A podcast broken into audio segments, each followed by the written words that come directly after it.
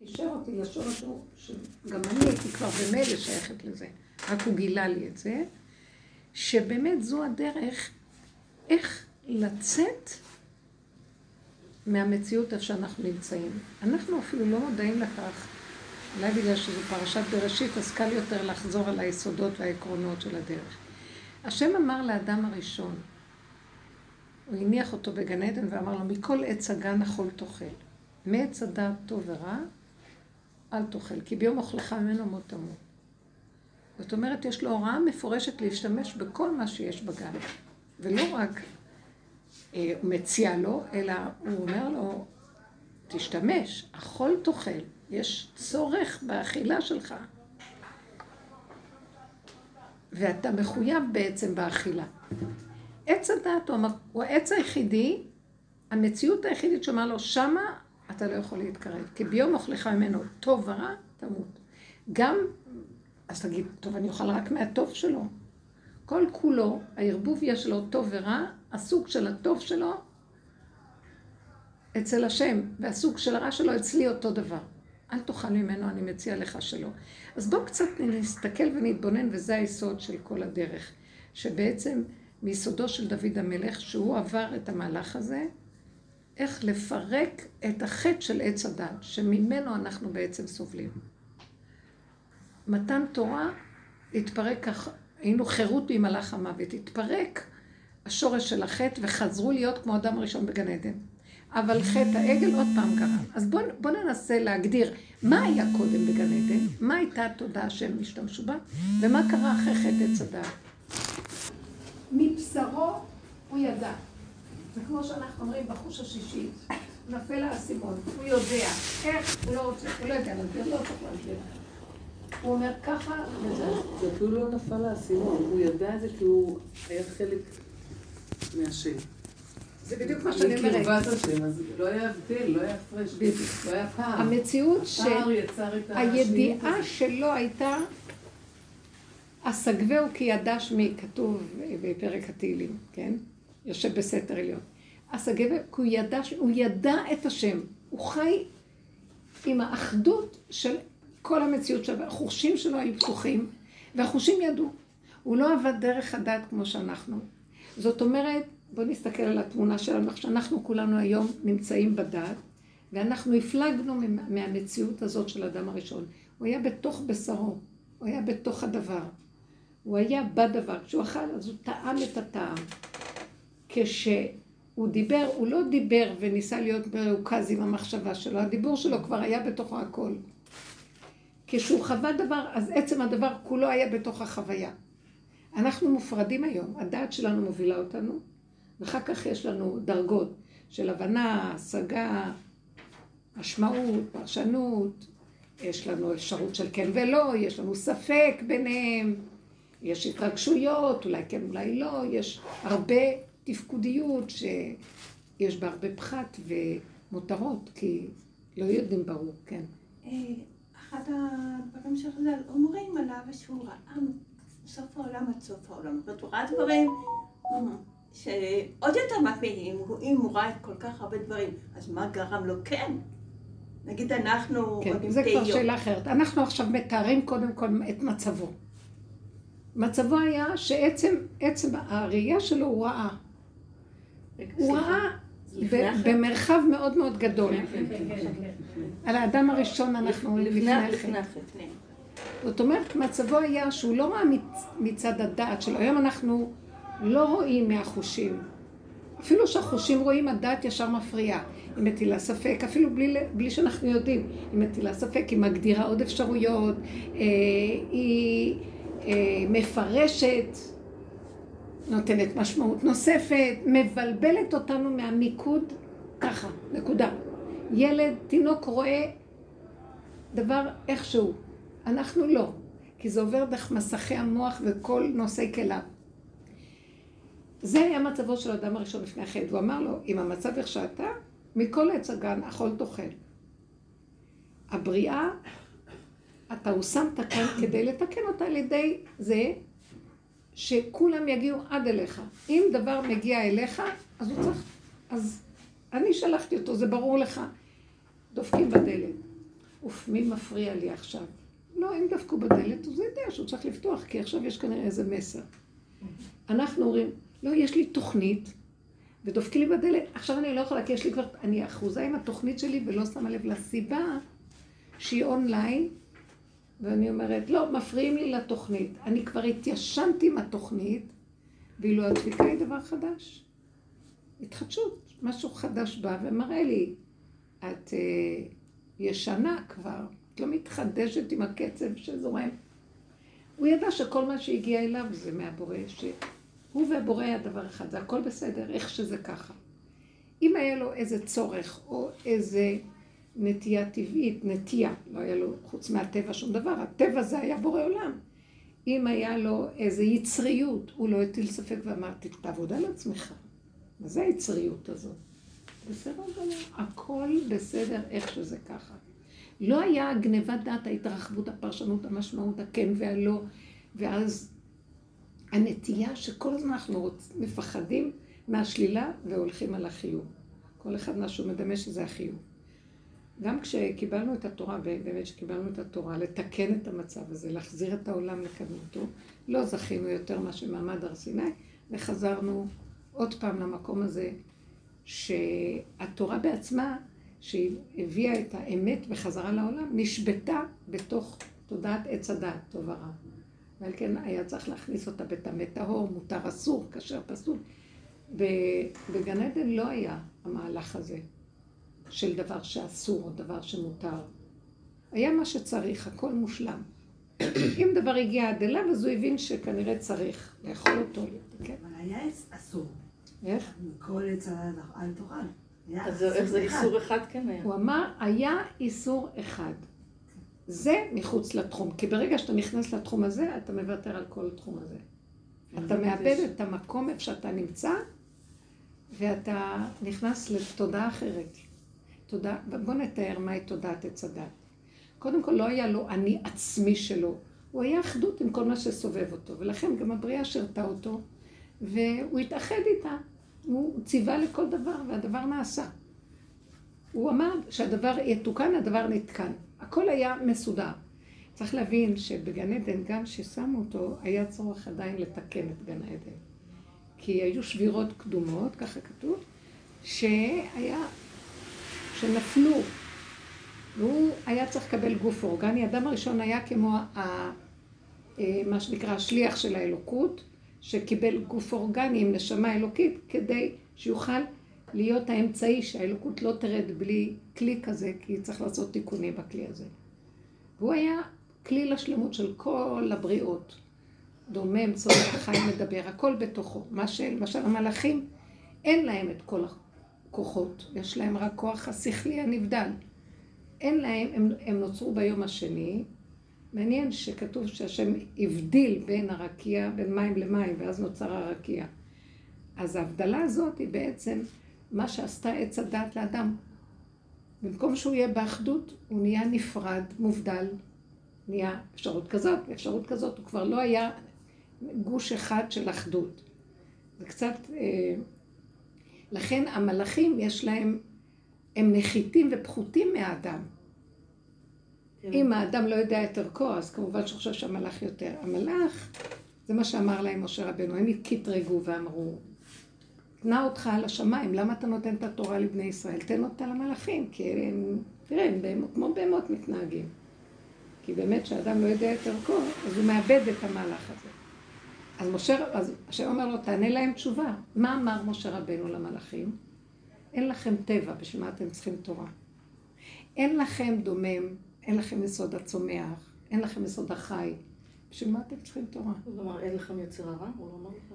זה נקרא, אין לכם את כל החלקים האלה, אז בשביל מה אתם צריכים? הוא לא אמר לכם, כלום אב ואם יש לכם. הוא לא אמר. כן, אמר להם, אתם צריכים מצוות, כתוב כבד את אביך, יש לכם אב ואם. אתם לא, אין לכם את שאר החלקים שנצרך לכם. אז כאילו אנחנו אומרים, אנחנו מצד הפחיתות, יש לנו עוד חלקים. לא, זה מצד המעלה. אבל התודעה של עץ הדת משתמשת בהם לא נכון. כי מה היה ברגע שהם אכלו מעץ הדת? מה אמר הנחש? לפני שאכלו. אם תאכלו מעץ הדת, וייתם יודעי טוב ורע, כאלוקים יודעי טוב ורע. כף הדמיון. אתם יודעים שהאלוקים אכל מהעץ הזה, ומזה הוא ברא את העולם. אבל את לא, עוד לא היה טוב, לא היה רע. היה. לא היה את הבריאה, הכל היה מושלם. אז תקשיבי, את רואה שאת מתבלבלת? כן, אני... עץ הדעת, הטוב והרע שלו. זה לא טוב אמיתי, וזה גם לא רע אמיתי, וזה ככה אנחנו חיים. זה בדיוק מה שאני רוצה להגיד. קודם לא היה טוב ולא היה רע, היה ככה. כן. ואילו עץ הדת עשה טוב ורע, כפי שהתודעה של עץ הדת חושבת, זה טוב, זה רע. באמת אין טוב ורע. באמת, זה- זה באמת, מתאים כתוב באמת? עתידים האיסורים להתבטל. איסור. כל איסורי התורה עתידים להתבטל. באלף, איסור. באלף, מתיר אסורים. אה, השם, זה לקוח בפרק תהילים קמ"ו, אני חושבת, השם מתיר השם פוקח חברים זוכר, יתום ואלמנה יעודד השם יבד. אז בשוחר טוב, במדרש שוחר טוב אומר, מכאן אנחנו למדים שעתיד הקדוש ברוך הוא לה- להתיר את כל מה שהוא אסר. למה הוא אסר? בגלל אכילת עץ הדת, שהיא גורמת שיאסרו. גם התורה נכנסה ונשבתה בתוך המקום הזה, אז היא חייבת לעשות טמא טהור, מותר אסור, כשר פסול. ובאמת באמת לעתיד לבוא כל, הקוליות החזיר עתיד להיטהר, כתוב. אז אם- נכון, שתורה קדמה לעולם. התורה, השם נתן לאדם הראשון לפני חטא עץ הדת גם כן את התורה, לעובדה ולשומרה. זאת אומרת שהתורה הייתה קיימת לפני חטא עץ הדת, אבל היא לא הייתה כמו שאחרי חטא עץ הדת. מה ההבדל? אז בואו נראה מכאן. תורה של עץ הדת, שנשבתה בעץ הדת, היא נהייתה עול. עכשיו הוא צריך לחשוב. עכשיו הוא צריך להיזהר. עכשיו הוא צריך לפחד. אולי כן, אולי לא. שמא, פן, אם, אבל, הוא חי את הספק, הוא מבוהל. כי המוח שלו שבוי באפשרות כזאת, באפשרות כזאת. לפני כן, התורה זה היה הוא. בואו תק- תקשיבו, חז"ל אמרו על אשת חיל, נמשלה לתורה. הפיוט הזה, הם לא יכתבו פיוט לאישה. הפיוט הזה נמשל לתורה, כך כתוב. האשת חיל נמשלה לתורה. אנחנו לא רואים שיש שם אפילו מילה אחת שמזכירה תורה. איזה סברה, איזה פלפול, איזה... יש שם פעולות, יש שם מידות מושלמות של הפגנת עשייה, נונסטופ. היא הולכת ובאה ונכנסת ויוצאת ולוקחת ועושה כמה ו... והכל בצורה מופלאה, מדויקת, בלי שכל. אין שם דעת. אתם שמות לב פיוט הזה? אין שם איזה דת שהיא חושבת ומערערת, והמסקנה, ואז היא אומרת, הכל פעולות נקיות מושלמות של טבע, זך, נקי, אדם הראשון לפני החטא. היא הולכת ופועלת. וכשהיא פועלת, אין לה ספק אולי נכון או נכון, היא הולכת ו... כי יש לה איזה צורך. ואיך שהיא מגיעה, הדלת נפתחת לפניה. והכל זורם והולך, ואין מעקשים, ואין בלבולים, ואין ספקות, ואין הרהורים. זאת התורה. לפני חטא עץ הדת. מה? נשמע לי קצת רובוט. אה? הכל- ישר, זה פתאום... רגע, אתן רואות, את המצב של הגלות שלנו בתודעת כן, עץ הדת? לנו נראה שאנחנו פעילים, והם נראים, זה היה, אדם ראשון היה רובוט. אתם יודעים, אני יותר ויותר אומרת, איזה כיף זה לשבת והכל יגיע. נכון, זהו. אני רק רוצה, באה אליי מישהי, ואמרה לי, אני לא מרגישה טוב וזה וזה וזה, ואז אמרתי לה, תראי, משה רבנו אמר, אנא כל רפנה לה, והתרפא, הלוואי, אני אומרת לה, אני אומרת לך, תהיי בריאה. אבל יכול להיות... הלוואי והדיבור שאני אומרת, ככה יעשה, למה לא? אם תאמיני ואני אאמין, אז זה יהיה. ככה אנחנו צריכים לעשות. למה אנחנו צריכים מיליון פרקי תהילים ותפילות והמון, כל מיני דברים? כי אנחנו בספק. אם כן או לא. זה לגאול גם את השפה, לא רק את האדם. זה מה שהוא אומר, זה אחדות איתו. עם הכוונה שלו ועם ה... זה- זה לחזור לאחדות. עכשיו תקשיבי רגע, האחדות לא נמצאת פה, אנחנו תמיד מעיפים את העיניים לשמיים. לא, זה... הכל האדם פנים. הראשון הוא לא הרים עיניו לשמיים, הוא חי את הדבר, ב... אני, בכוונה אומרת כדי שנבין, הוא היה, הכל היה בו כלול, בכל מכל כל. זה לא היה שם, איך אומרת פרשת ניצבים, לא בשמיים היא, לא מעבר לים, לא בארץ רחוקה בפיך ובלבבך לעשותו. הכל מתוך ידיעה שאין דואליות. אם אני עומד פה, אז יש מי שמחזיק אותי והוא בתוכי. אם אני נושם, זה הוא מנשים אותי. אם אני הולך, הוא מוליך אותי. אם עכשיו בא משהו לקראתי, הוא שלח את אותו משהו אליי. אם יצא לי מהפה ככה, אז כך יצא לי מהפה.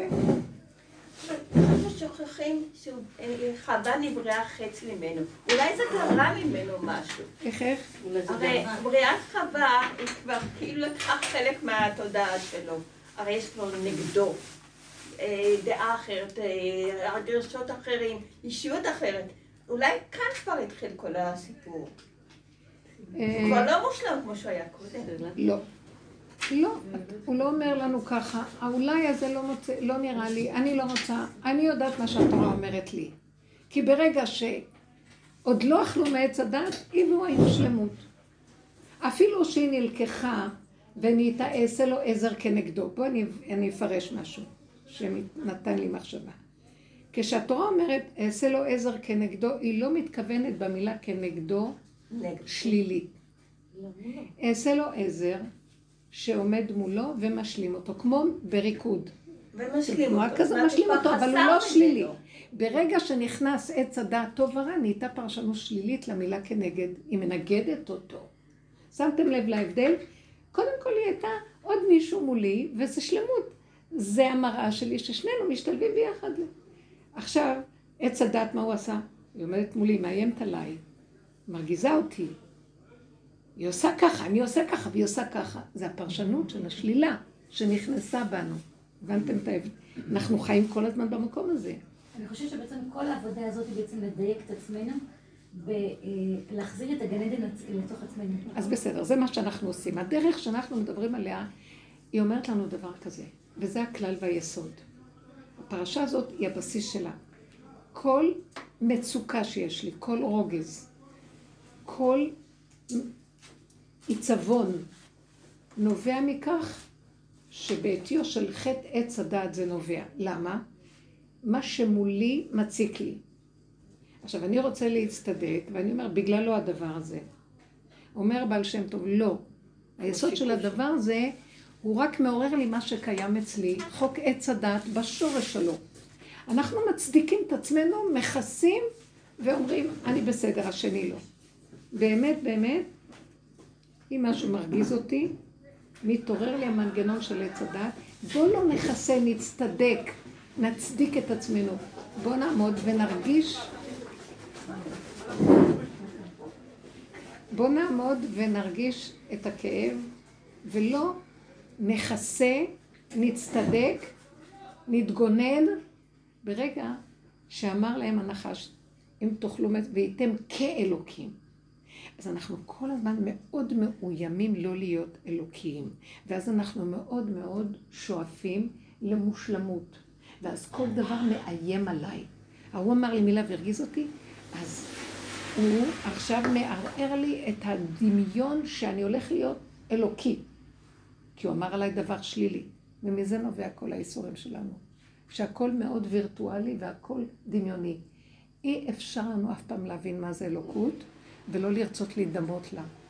ואם אנחנו אומרים, מה הוא רחום אף אתה רחום, תדעו לכם שזה החטא ועונשו. בגלל שאכלנו, ואנחנו צריכים להיות כאלקים, והתורה נשבתה במצב הזה, אז הם כאילו, השורה אומרת לנו, תרימו את השק, תעבדו על זה, שתהיו כמו אלוקים. ואני כל החיים עובדת, עובדת, עובדת, בסוף אני אומרת, אבל אף פעם אני לא מצליחה להגיע להיות אלוקים, כי כל רגע משהו מרגיז אותי. כל רגע אני נופלת ואני נשברת, כמה אני אעבוד ואני עוד לא נהיית אלוקים. ואז מתגלה לי התרמית של עץ הדעת. את לא צריכה להיות אלוקים, את צריכה להיות נברא.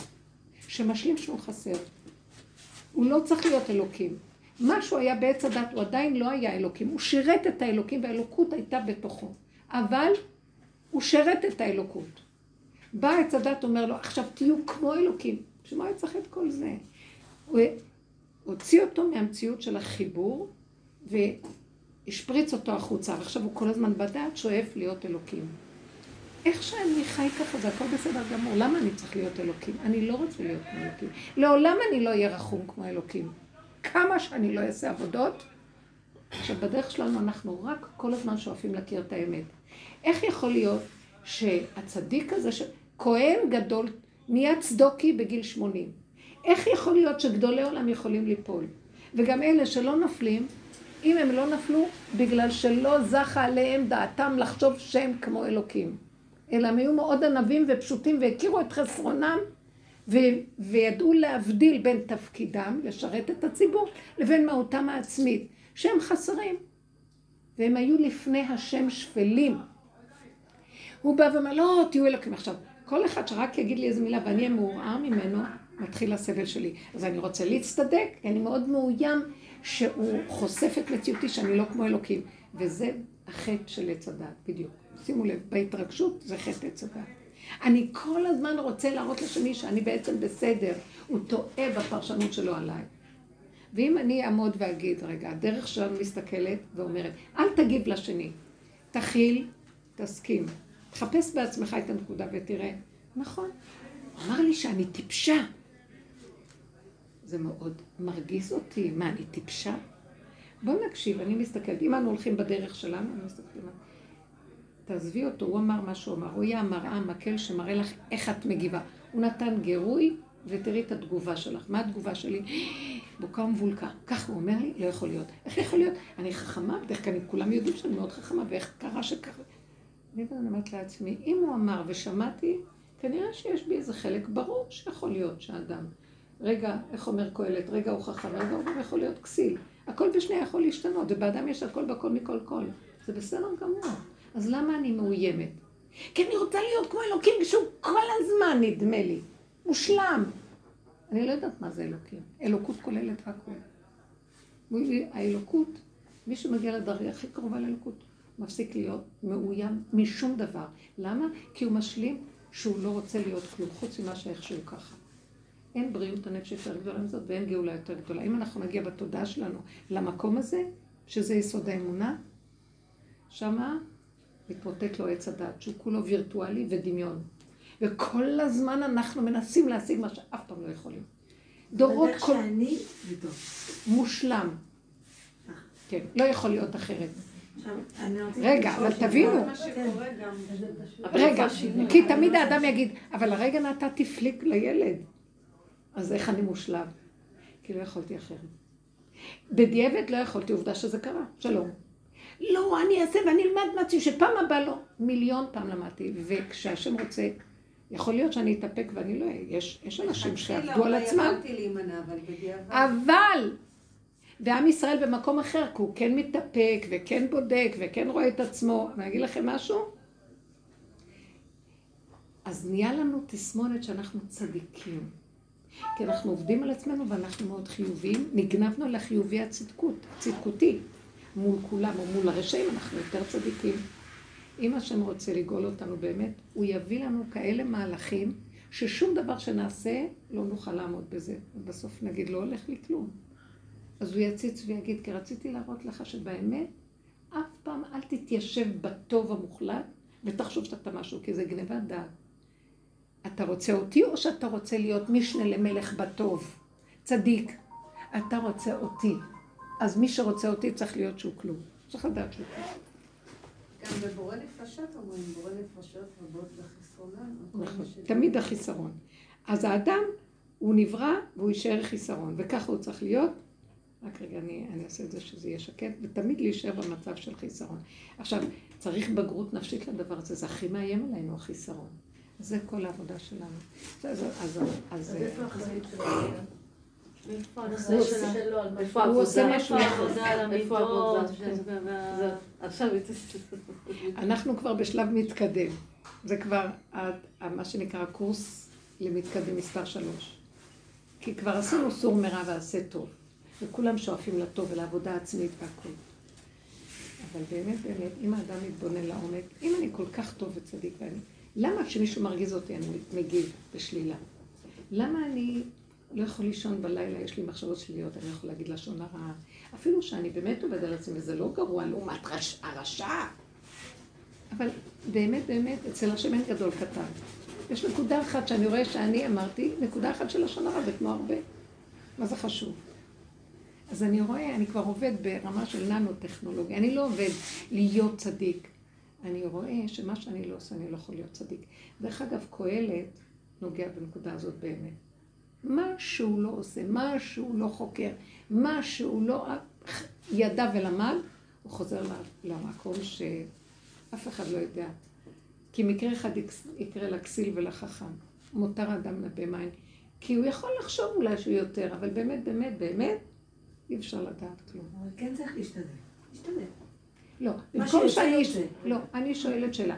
במקום להשתדל, אני כבר מתחילה להשתדל יותר להיכנס פנימה ולהתבונן במנגנון ששולט עליי. ואז קורה דבר מאוד מעניין. אני פחות אגיד לשון הרע, כי כבר אני יודע שאני מסוכן מאוד. זה שהולך כל הזמן בחיובי, תופסים אותו כל הזמן ומפילים אותו. היום זה קורה. כי השם רוצה להראות לנו, אתם לא חיובים כמו שנראה לכם. התיישבתם בתודעה של עץ הדעת טוב חיובית, ואני הולך לפרק אותה, אז אני אתחיל להראות לכם. החיוביים ביותר יתחילו, אני אפרק להם את החוטים, והכל יתמוסס. ואנחנו מפחדים מזה, אז אם אתם לא רוצים ביזיונות ובושות, כנסו פנימה ותתחילו אתם לבזות את עצמכם ולראות מי אתם ותודו באמת מולי. זו עבודה הרבה יותר מתקדמת מאשר כל הזמן להשתדל. מול החברה ומול העולם ומול בורא עולם דמיוני של עץ הדעת טוב, לעשות טוב. אני לא אומרת שמפסיקים לעשות טוב. אני לא אומרת שלא, אבל דבר אחד, אני כבר לא רצה להתנדב לעשות, אם בא לקראתי משהו, שם אני עושה. שימו לב להבדל.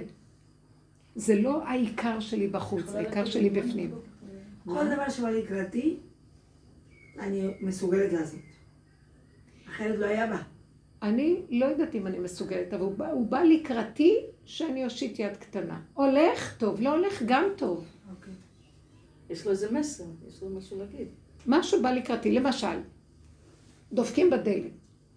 לא רוצה לפתוח עכשיו. זה תלוי גם, יש מצבים שבאמת את עושה דבר אחר חשוב.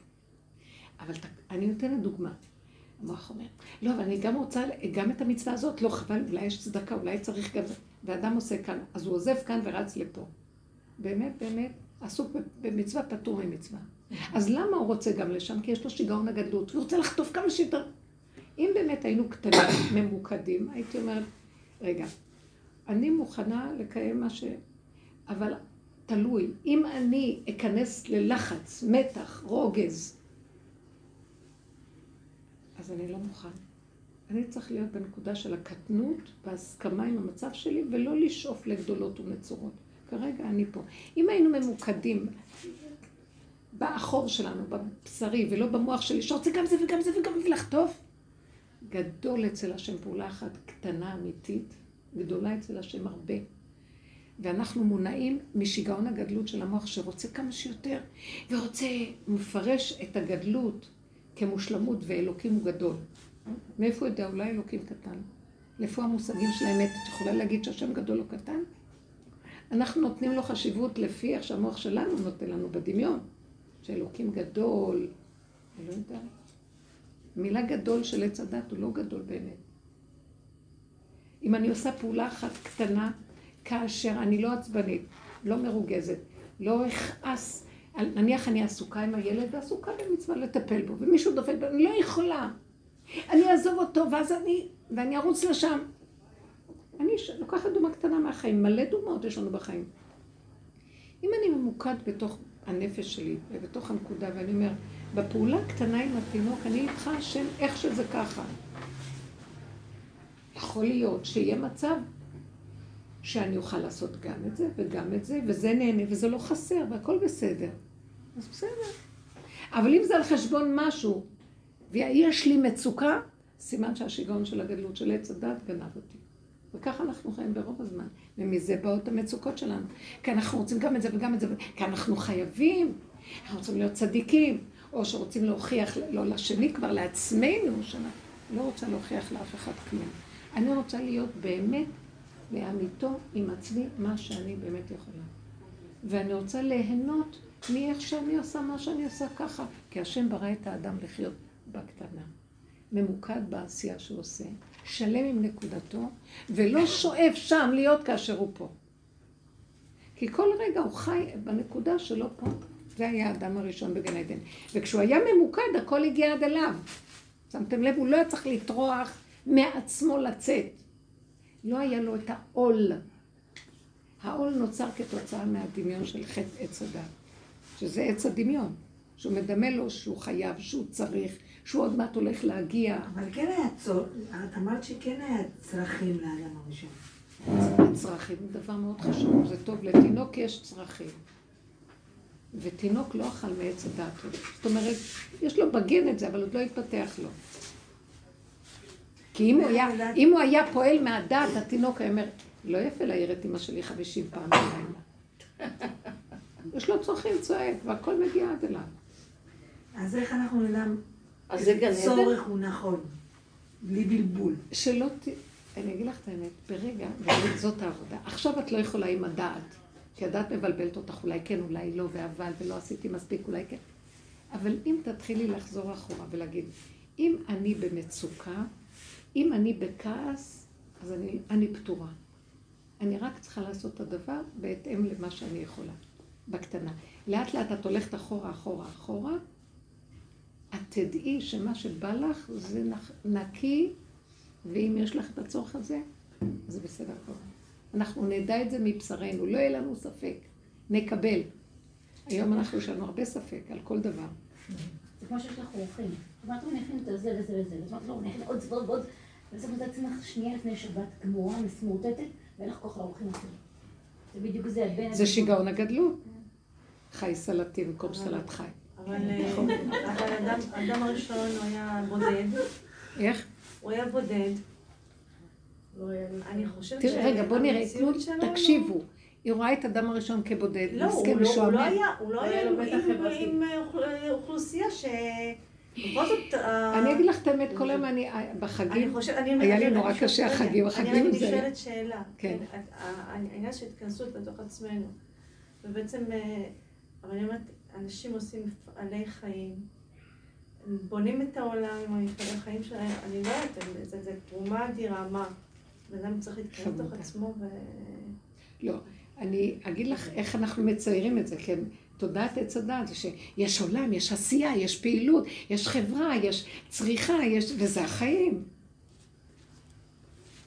מי שמתבונן עליהם איך שזה נראה, יש הרבה מצוקות בתוך העשייה הזאת. יש הרבה פחת. זאת אומרת, הרבה פעולות שלא נצרכות, יש הרבה הרגשות מיותרות. אה, את הולכת לעשות איזה פעולה, בדרך יש המון דברים קשים באמצע. עכשיו, לא הבעיה הפעולות, ולא הבעיה שיש אנשים. הבעיה שאני נותן להם משמעות ופרשנות. אני לא חי כאילו, הם שם ואני פה. ויש איזו אינטראקציה, אז יש.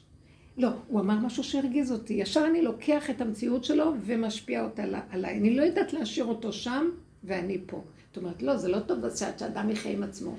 לא התכוונתי שאדם יהיה בודד בעולמו.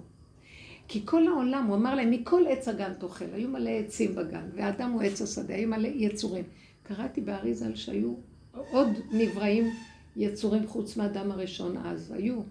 עובדה שהנחש הלך, על שתיים ודיבר, והם דיברו גם. אז תקשיבי מה היה האדם הראשון. האדם הראשון היה ממוקד ביחידתו, בחוק גבולו, והכל עד הגבול הזה הגיע. משהו שהוא ראה שיש לו מצוקה, הוא הבין שזה לא שייך לו. אז זאת אומרת, שזה לא סתר לו שהוא הלך וראה שיש כאן עוד יצור ועוד עניין ועוד דבר, אבל הוא לא התערבב רגשית, הוא לא התערבב עם הפרשנות המוחית, הוא לא התערבב שזה גרם לו סערה. אז ככה הוא רוצה השם להחזיר אותנו. העולם קיים והוא לא שלנו, אין לנו בעלות על העולם.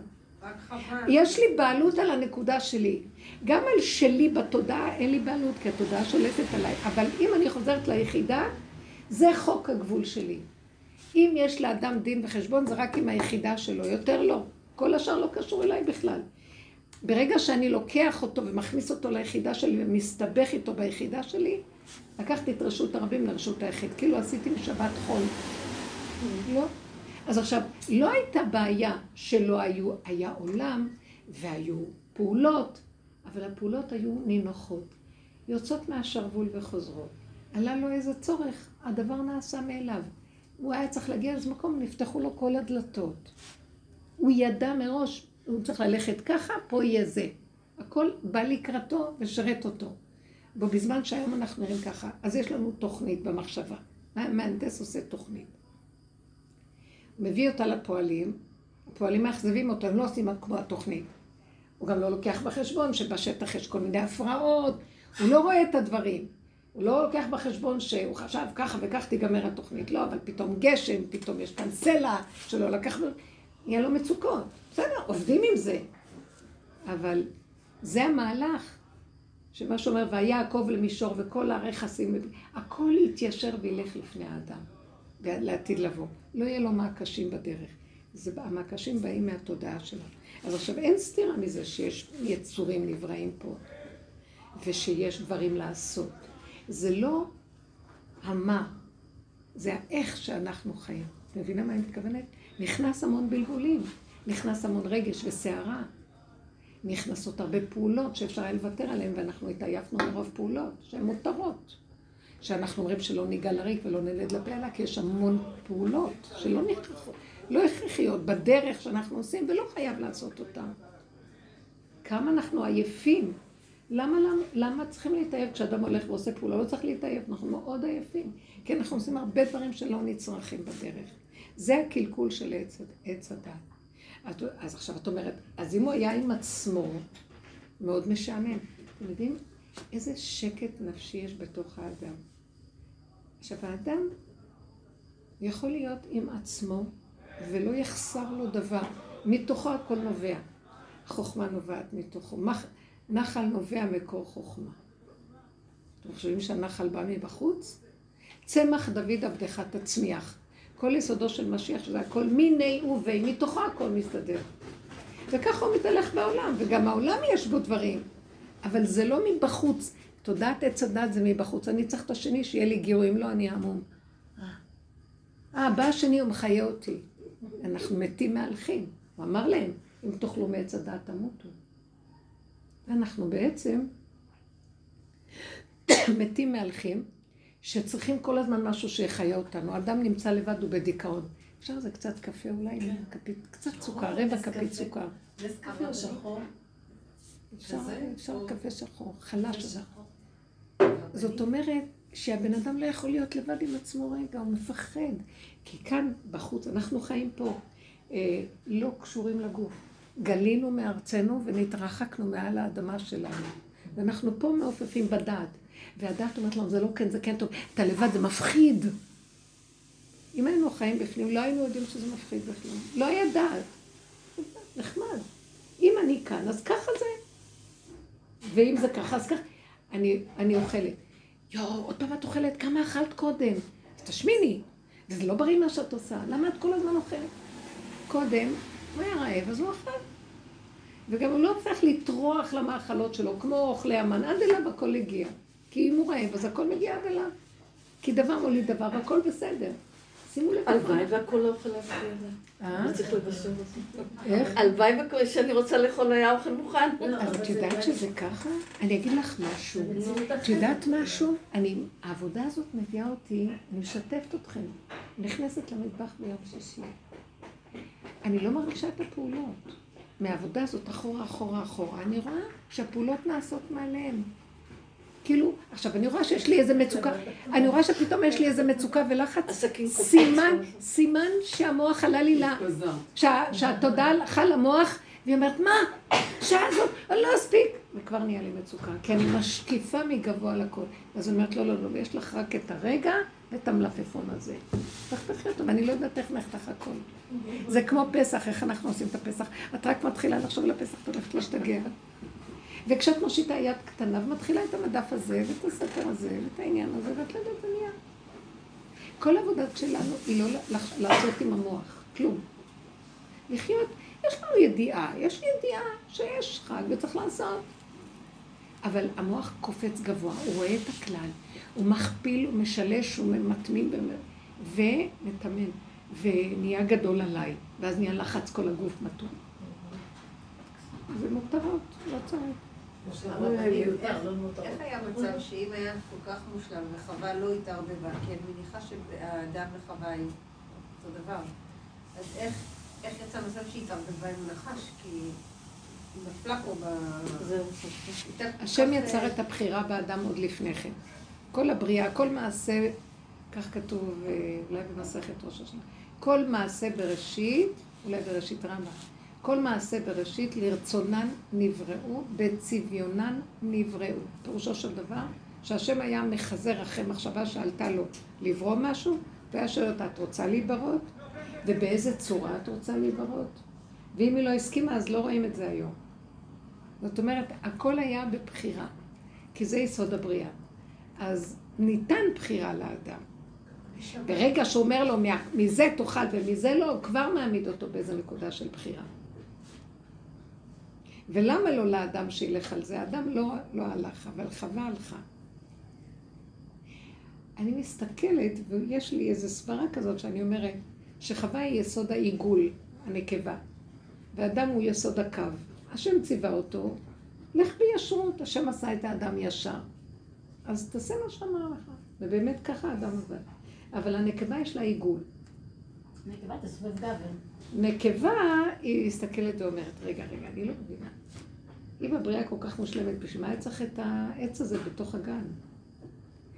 אז אה, העץ הזה חולה. מאחר והיא אם כל חי, היא צריכה לטפל בחולים, לא? אנחנו מאוד רחמניות על המסכנים ועל החולים. אז כשהנחש פיתה אותה, היא הבינה שיש כאן משהו בנחש שהוא מפתה, אבל היא גם קלטה שיש כאן איזה משהו על ידי האכילה שלה שכן תתקן. אבל הרי יללה רבה, וזה הסוד גם של לכי מעטי את עצמך. שהשם אמר ללבנה, תתמעטי. תודה, תודה. כן. תרדי, כלומר, תרדי יותר נמוך. זהו, תודה. ממציאותך. תרדי נמוך.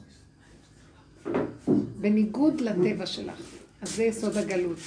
אנחנו נשמות ישראל שייך לאדם הראשון.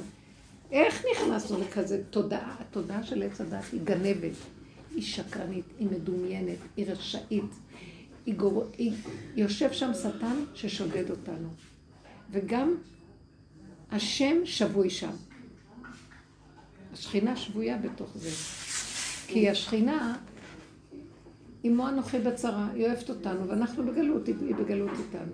היא לא מחויבת, אבל היא קיבלה על עצמה להיות איתנו בצער. וברגע שאנחנו נצא מהתודעה הזאת, היא גם תצא ותגאל אותנו. עכשיו, מה זה לצאת מהתודעה? זה עבודה. תחזרו כל הזמן לעצמכם ותעזבו את השני. מה זה הכוונה תעזבו? זה לא לעזוב אותו.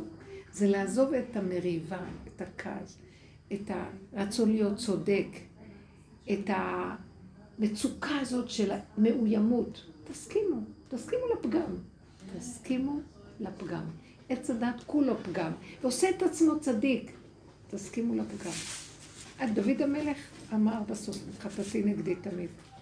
הוא קלט שהוא פגום. מה שהוא לא עושה, מנסים אותו, ובלי שהוא, שהוא ישים לב, הוא נכנס בניסיון ולא יודע מה.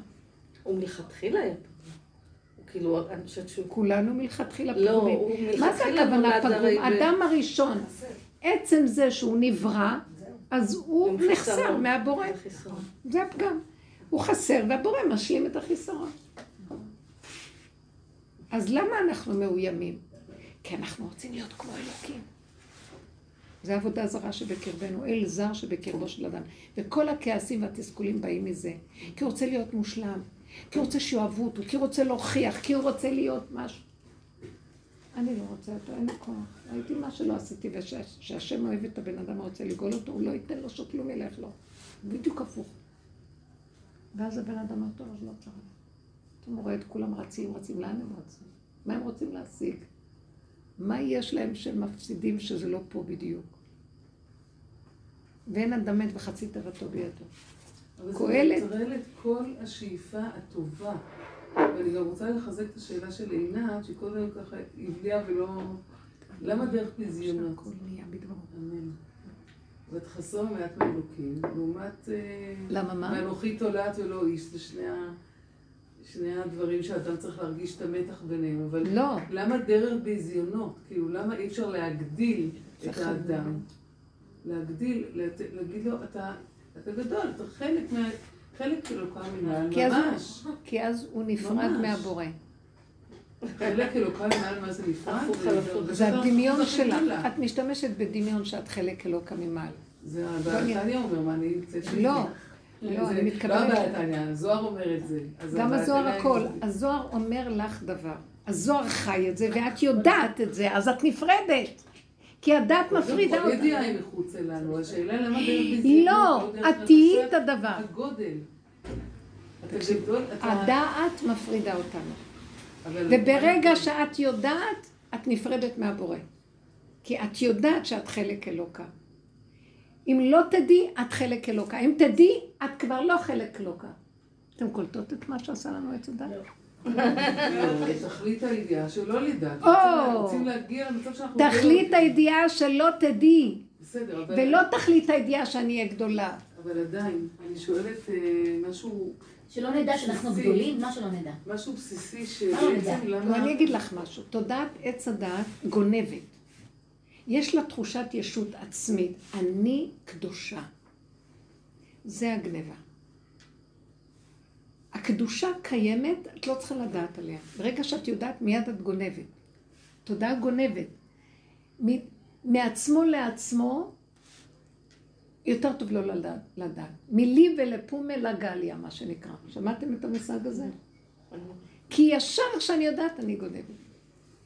השם רוצה לפרק את הדת ושלא נדע כלום. עיניי בנאמני ארץ לשבת עמדי, לא הילכתי בגדולות ונפלאות ממני. הכל שהבן אדם, תדעו לכם, הגדלות של האדם השם נותן לו. הוא לא יכול לתת לעצמו. הוא לא יכול להגיד אני גדול. אני חלק אלוקה. הוא לא יכול. נכון שבתודעה שאנחנו עובדים, ויגבה ליבו בדרכי השם, מאחר ואנחנו בדעת, יותר טוב לנו שנהיה בתודעה גבוהה, מה שנהיה בייאוש. אבל זה נבלה וזה טרפה. אתם מבינות את זה? התודעה כולה, הוא אמר, אל תאכלו ממנה. לא רק מהרע, גם מהטוב אל תאכלו. כי מיד יש שם גניבה. על כן כל, זה וירטואלי כזה, כל המציאות שלנו היא וירטואלית. אנחנו חיים כל הזמן בהדמיות והשאלות. ולכן אנחנו תמיד במצוקות. אז תראו, את אומרת, אבל אני יכולה לעשות פעולות. השם אומר, אני יודע, ככה כל העולם אמרתי בגלות, הלוואי אותי עזבו ותורתי שמרו, איך שזה. אבל אני רוצה להתגלות עליכם, והתודעה הזאת מפריעה לי. מי מוכן להתנדב לעזור לי להתגלות בעולם? מי מוכן לוותר על הגדלות שלו ועל הפעולות שלו אה, ביחס למה שהעולם יגידו לו והכל, ורק להתמקד להיות. ביטול, אפסיות, עין, התרוקנות. תנו לי להתגלות, מי מוכן? דוד המלך. גם הוא לא היה מוכן, הכריחו אותו אז עד שהוא קיבל בסוף. אף בן אדם לא ירצה להתנדב. למסור את הדמיון שלו, החיובי. זה מאוד קשה. אבל מכריחים אותו, דופקים לו על הראש הרבה מכות. משה רבנו היה ענב מכל אדם. כי הוא קיבל הרבה, הוא, השם הראה לו. אז הוא, למה הוא אמר להשם, אני לא הולך לגאול אותם? לא היה לו כבר אגו, עזוב אותך, אני רואה כבר שהכל כאן, הכל כאן דפוק. מה שאני לא אעשה, יהיה כאן בלאגן. אז עדיף לי לא להגיד. אני לא רוצה ללכת בתפקוד. זה לא ייאוש רע, זה מין מקום של הכרת אמת. אתם מבינים מה ההבדל בין ייאוש לבין להגיד את האמת? זהו, כל הזמן חסרה לי מילה אמת. מה אתם אומרים? זה קשה, נכון? אני עוד לא שמעתי מה כן, אני שומעת מה לא. רק לא. אני אגיד לך למה? כי כל עוד את סליחה, הולכת... זה לא התרסה על עצם העניין, אני מחפשת את ה... לא כי זה נוח, אני באמת מחפשת. לא, בנות, כל לא, זה הדור- לא להיאחז, אלא כל באמת, הדורות- למה שברא את העולם? הוא ברא- שתמודה אלוהותה, נכון? אבל תקשיבי, זה הכל הדעת... להודיע את האלוקות שלו. בשביל זה השם ברא את העולם. לא, לא, אז היא אומרת לא מה נכון. זאת אומרת? הכל גניבת דעת.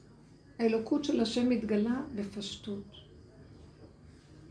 הדעת שלנו גונבת כל הזמן, ולכן. אין לנו גאולה. האדם הוא גונב, תקשיבי, יש לו דעת והדעת ממלאה אותו. והוא צריך להיות כלום, ריק, ריק, צינור. אז כשהוא יודע, הוא, בלי, בלי שירצה הוא גונב, הוא מכיל. אנחנו מתהלכים עם חשיבות. זה מפריע לגילוי של השם. כל הדורות היינו ככה, כי אם לא, מול, הגו, מול הגויים, מול האומות, היינו הולכים לאיבוד. אבל עכשיו אנחנו מדברים על מהלך אחר, זה כמו הלידה. תהליך ההיריון ותהליך הלידה. תהליך הלידה צריך התרוקנות. אם תדעי תהליכים של הלידה, של ההיריון, לא תוכלי להתרכז ב... הלידה, את מאבדת את מאבדת את הדת, את הסדר, את המשמעות. תנשמי, ואת תנשמי. רק, בדיוק, בנשימה. זה מקום שקשה לנו לקבל אותו. אז לכן כל חבלו של משיח זה בדקי מיתה, הוא מביא אותנו עד המקום שבסוף ניכנע. אבל אנחנו לא רוצים לוותר עליו, כי יש סיפוק נורא ואיום בדעת. מהידענות, מהחשיבות. יש לנו סיפוק. הסיפוק הזה זה הנחש. זה בסדר לדעת, אבל אנחנו גונבים את זה ישר. אז איך אפשר לדעת בלי להיות גנובים? איך? איך אפשר ללמוד בלי להיות גנובים? איך אפשר? ללמוד, לדעת, בלי להיות גנובים. אני אגיד לכם, כל תהליך הלימוד הוא גנוב לגמרי. אז לא ללמוד, לא לא לקראת הסוף נצטרך תהליך אחר. האם בזמן שאת על המיטה של היולדת, את אומרת, מה נלמד עכשיו? לא. לא, אני אומרת לכם, זה תהליכים אחרים, בנות. כל הכאבים שיש לעולם זה רק בגלל שאנחנו עוד רוצים. וזה קשה מאוד, לא. אז תקשיבו, זה לא אמרתי... אבל למה, אז למה השם נותן את כל השפע הזה, כאילו, את כל ההתפתחות, והוא נותן לנו את היכולת ללמוד ולפתח. לא, לא. אין בעיה, אין בהתפתחות. אין בעיה בהתפתחות. יש בעיה שאנחנו משתמשים בה, גונבים אותה אלינו. אנחנו לא משתמשים קצת ואומרים, מה רבו מעשיך השם, כל השאר לא שלי. אני רוצה עוד, וגם את זה, וגם את זה, וגם... אבל אם הוא? נותן, הוא לא נתן, את לקחת בכוח. לא, השם לא נותן, הוא מניח. את עוברת ליד שדרה של חנויות. איזה יפה לראות את זה וללכת עליו. לא, אולי אני אכנס ואני ארצה, אני רוצה שתיים מזה ואחד מזה ושלוש מזה. תסתכלי, מבצע, וזה יפה. ותלכי הוא הלאה. נתן לך את. היכולת לקנות את זה, אז הוא נתן לך את זה. הוא נתן שנשתמש בקטנה. ואנחנו הולכים בגדולות ונפלאות מאיתנו. אוכלים יותר מדי, קונים יותר מדי, משתמשים ביותר מדי, ואין לנו צורך. העולם. היא שואלת שאלה כבר מתקדמת, איך נדע מתי? רק כשמתחילים לחזור אחורה, על ידי זה שאנחנו מתבוננים כמה אנחנו גונבים. איך אני יודעת שאני גונבת? לא, לא, לא. איך אני יודעת שאני גונבת? המצוקה, ההתנגדות, ישר השם ישלח לי כוח המנגד. ההתנגדות, הוא שולח לי לעזור לי, תפסיקי. אני מאותת לך, את הולכת רחוק, את תפסידי. ומה אנחנו עושים? נ- נילחם עם ההתנגדות ונשיג. ארדוף, אשיג. אני רוצה לשאול שאלה. כן. אדם שנניח, קח דוגמה, צריך לפרנס בית ומשפחה, רב כישרונות, לא הולך לו בפרנסה. אז הוא צריך להגיד, "אה, בסדר, לא, תקשיבי. לא. אתם יודעים עוד פעם. או שאנחנו, אתם לא קולטות את ההגדרה. אדם הראשון היה בגן. והכל הגיע? עד אליו. הוא ינסה, אכלנו מעץ הדת, ההשתדלות אבל, ההשתדלות טובה, תקשיבי. ההשתדלות זה אמונה, זה אבל. ההשתדלות-. ההשתדלות זה התפעלות. אנחנו צריכים לפעול בלי להתפעל. אנחנו צריכים לעשות בלי להשתדל. את מבינה מה אני מדברת? תראו, עד כדי כך נהיינו כל כך כוחניים שלא קולטים. תקשיבו לנו, תקשיבו. חיה לא חושבת על כלום, אז קל לה להיות כמו שאת אומרת. אבל בן אדם מרגיש שיש לו פוטנציות, בגלל זה הוא רוצה להוציא אותם לפועל. אז והפוטנציות נכון, כמובן, את צודקת, את. צודקת, הוא מרגיש שיש לו פוטנציאל, זה כתוצאה מהתודעה, ואז השם לא יכול להתגלות בעולם. הוא יגיד לך, את מוכנה רגע להסתיר את הפוטנציאל שלך בצד? כי אין לי תועלת מזה. אולי את מזה תרגישי נהדר, אבל אין מזה כלום בשבילי, השם אומר. הפוך, זה מפריע לי. את מוכנה לתת לי את זה קורבן? תקריבי לי את התחושות הנעלות שלך. לא, ומה איתי נגיד? אתם מבינים שהאדם המליך את עצמו, הוא גנב את המנדט לבורא עולם, אתם לא מבינים שאין לו איפה למלוך? למה זה גניבה? לא הבנתי למה זה גניבה. כי זה יותר מדי. אז בסדר. כאילו, אנחנו לא יודעים את הגבול ואת המידה הדקה. אז לא גונב. אם הוא עושה... לא, את לא עושה את זה מודע בכוונה. אף אחד לא יודע בכוונה, אבל זה המהלך. אני מצלמת את המהלך, אנחנו אפילו לא יודעים. שנייה, אני רוצה כן התורה אומרת, המשנה אומרת שאדם הוא אב נזיקין, הוא מזיק גם כשהוא לא יודע. לעולם. שיחיה את סכנתו, אומר משלי, אשרי אדם מפחד תמיד, ממה? שאני אדע את עצמי. ועצמי שלי, בסדר, התודעה שיושבת עליי גונבת. זה הנחש, השם אמר להם, אל תאכלו מזה. חווה אמרה, נאכל ונתקן. אז אכלנו אותה, כבר שכחנו שזה תיקון, וכולנו מלאי ייסורים. כל ייסורי הגלות זה מזה. אפשר היה לעקוף את זה, אבל לא נורא, כרגע זה ככה. אז בואו נסיים את זה. לא, ומה איתי, אנחנו אומרים? טוב לך איך שאת? אז הבן אדם הולך. כמה הוא עמל על פרנסתו? למה הוא לא חושב שיכול גם, לי, לי, שמי שהביא אותו לעולם יכול גם להחיות אותו בלי עמל והגיע כל כך קשה? לא אז מה? איך? שיתחיל, עכשיו, את רוצה להשיב? אל תפריעו לי.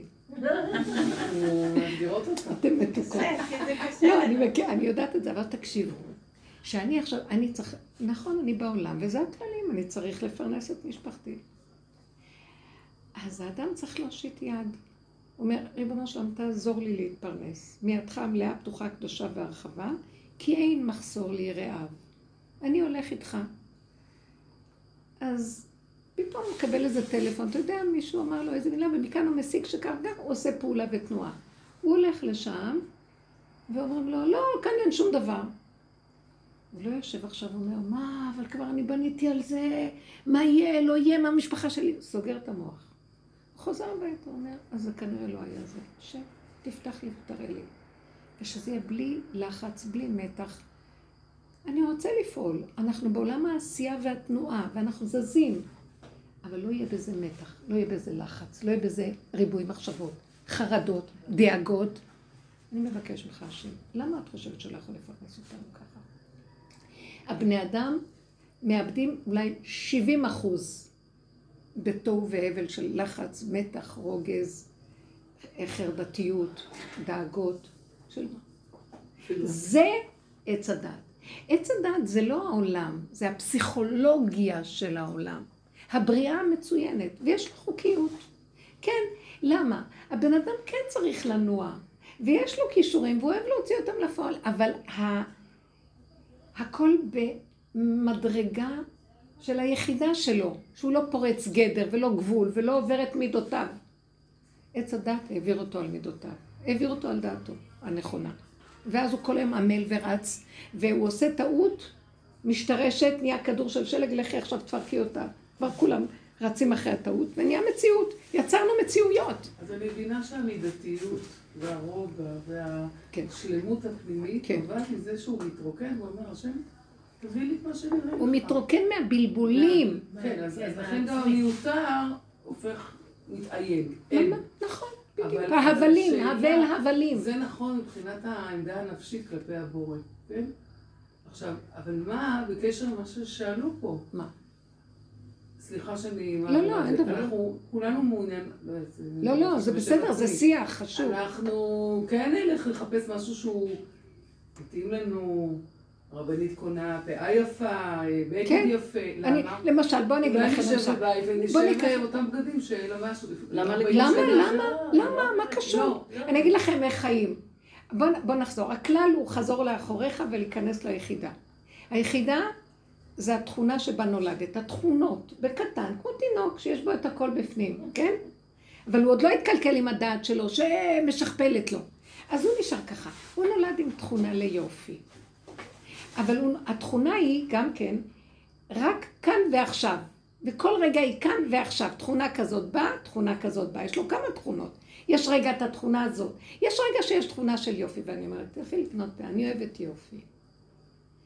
ואמרתי מה, את צריכה פאה? מה, את לא צריכה... לא, אבל אני אוהבת יופי. הילדה הקטנה שלי, אני אוהבת יופי. בשביל מה? בשביל שיראו? לא, בשביל עצמי. עכשיו אני הולכת, ואני נכנסת, ואני אומרת לה, אבל תמצא לי מה שהכי מתאים לי, וזה, ושזה יספיק לי ויתאים לי בדיוק מה שאני... אני הולכת, אם אני מוצאת בדיוק מדויק, אני יודעת, הוא מצא, הוא שמע אותי והכל. עכשיו, אני. הולכת ברחוב, אני הולכת ברחוב, ואני עושה ככה וככה. ואני אומרת, ההוא רואה אותי, כולם רואים שאני יפה, ואז אני אומרת, הלכתי לאיבוד. אני קונה את זה בשבילי. יש מקום. זה כלי וענווהו, יש מקום ליופי. לרגע, יש רגע שאין לי חשק לשים פאה. לא מסתדר לי כלום. לא, אבל את אוהבת יופי, אבל כרגע זה לא מפריע לי. הכל לפי הרגע, כאן ועכשיו, קטן, ביחידה. תכונה יורדת, תכונה עולה, ונחיה איתה אונליין. יפה, אדם הוא הווייתי, הוא הווה, ההוויה איתו. זה ממש הכל אריכות ימים מה שאת אומרת. אבל. זה המטרה של הדרך. בוא נחיה, למה אנחנו סובלים? לא. למה אנחנו סובלים? בדיוק. השם ברא עולם יפה. לקבל, לקבל כל הזמן. הוא ברא עולם ליהנות ממנו, הוא ברא את האדם, הכל בסדר, מה לא בסדר?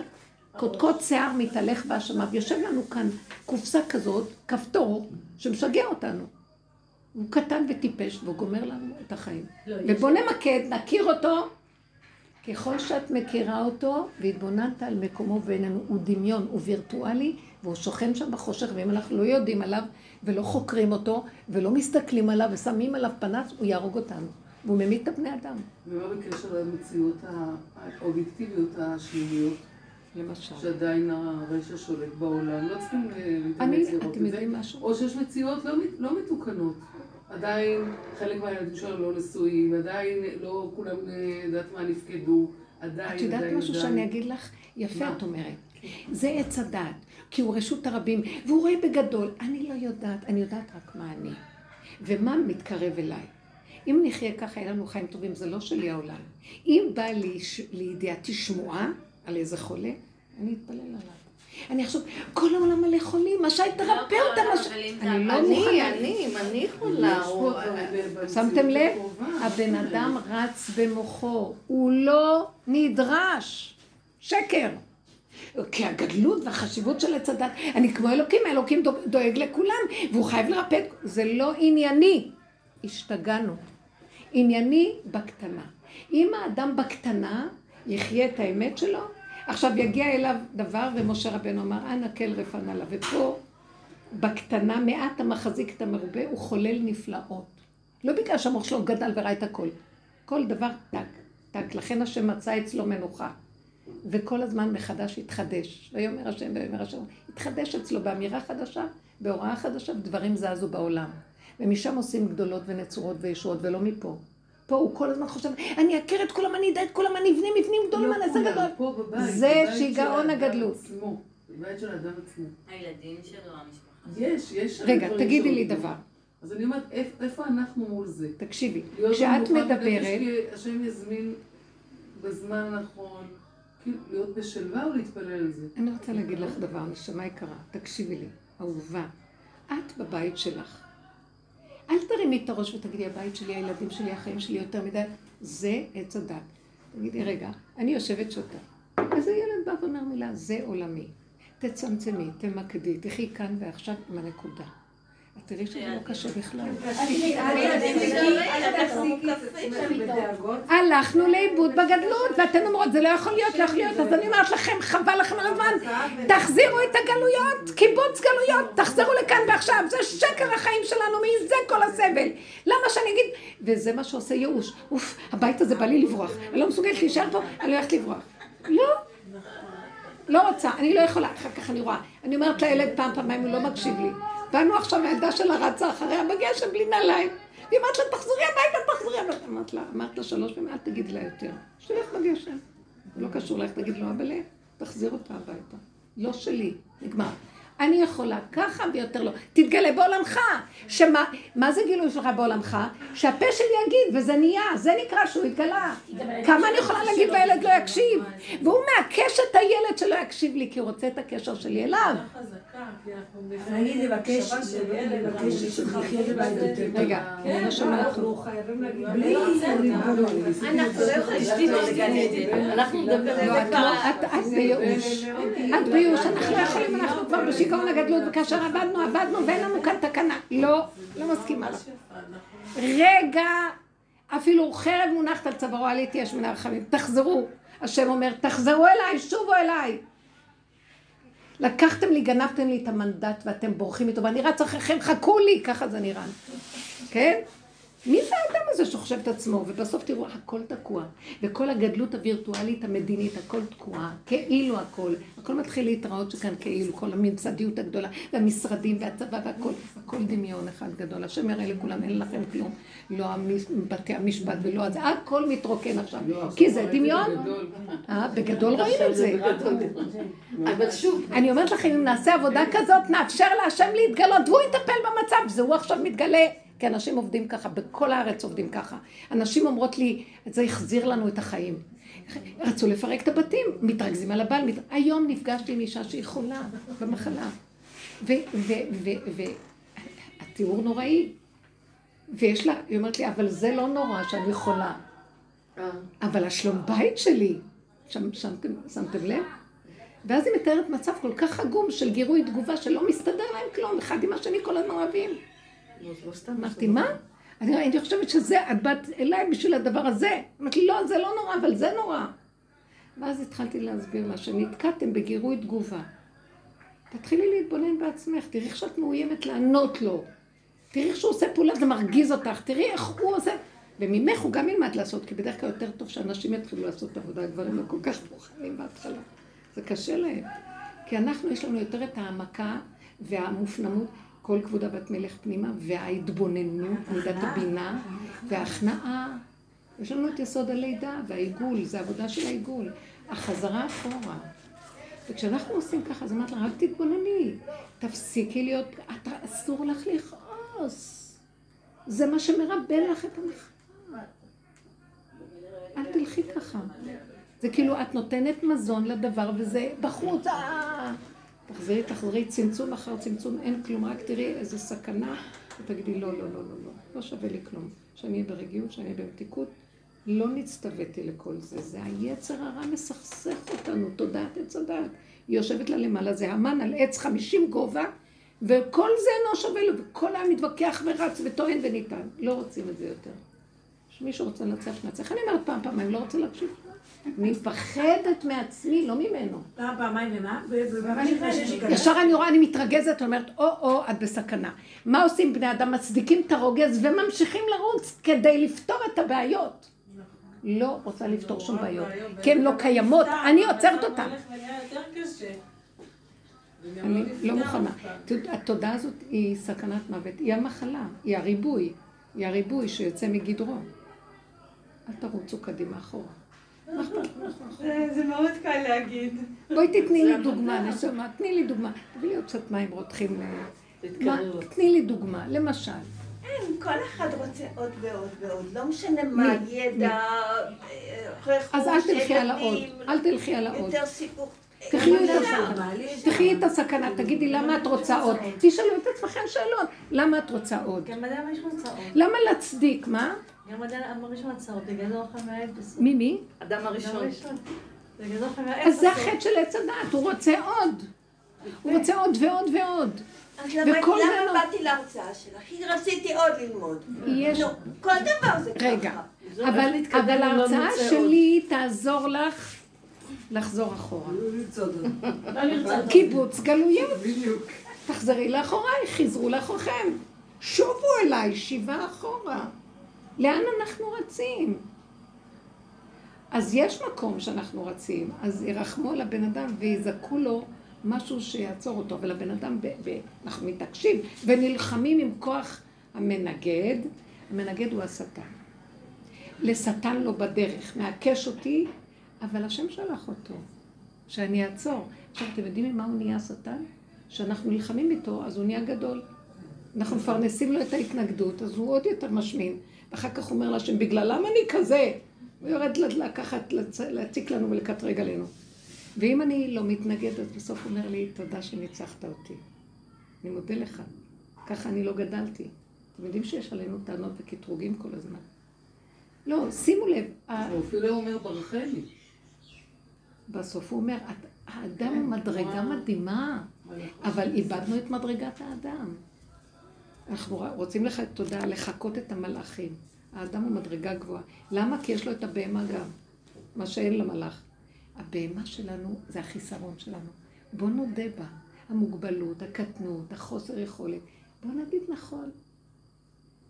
אני מגדירה את הטבע שהשם נתן לנו, זה החיה שבנו, בהמה. זה המעלה שלנו. רק שנכיר בה וניכנע בתוכה. איך אמר משה לפרעה? שהוא רצה לקחת שלושה ימים את עם ישראל לחוק במדבר.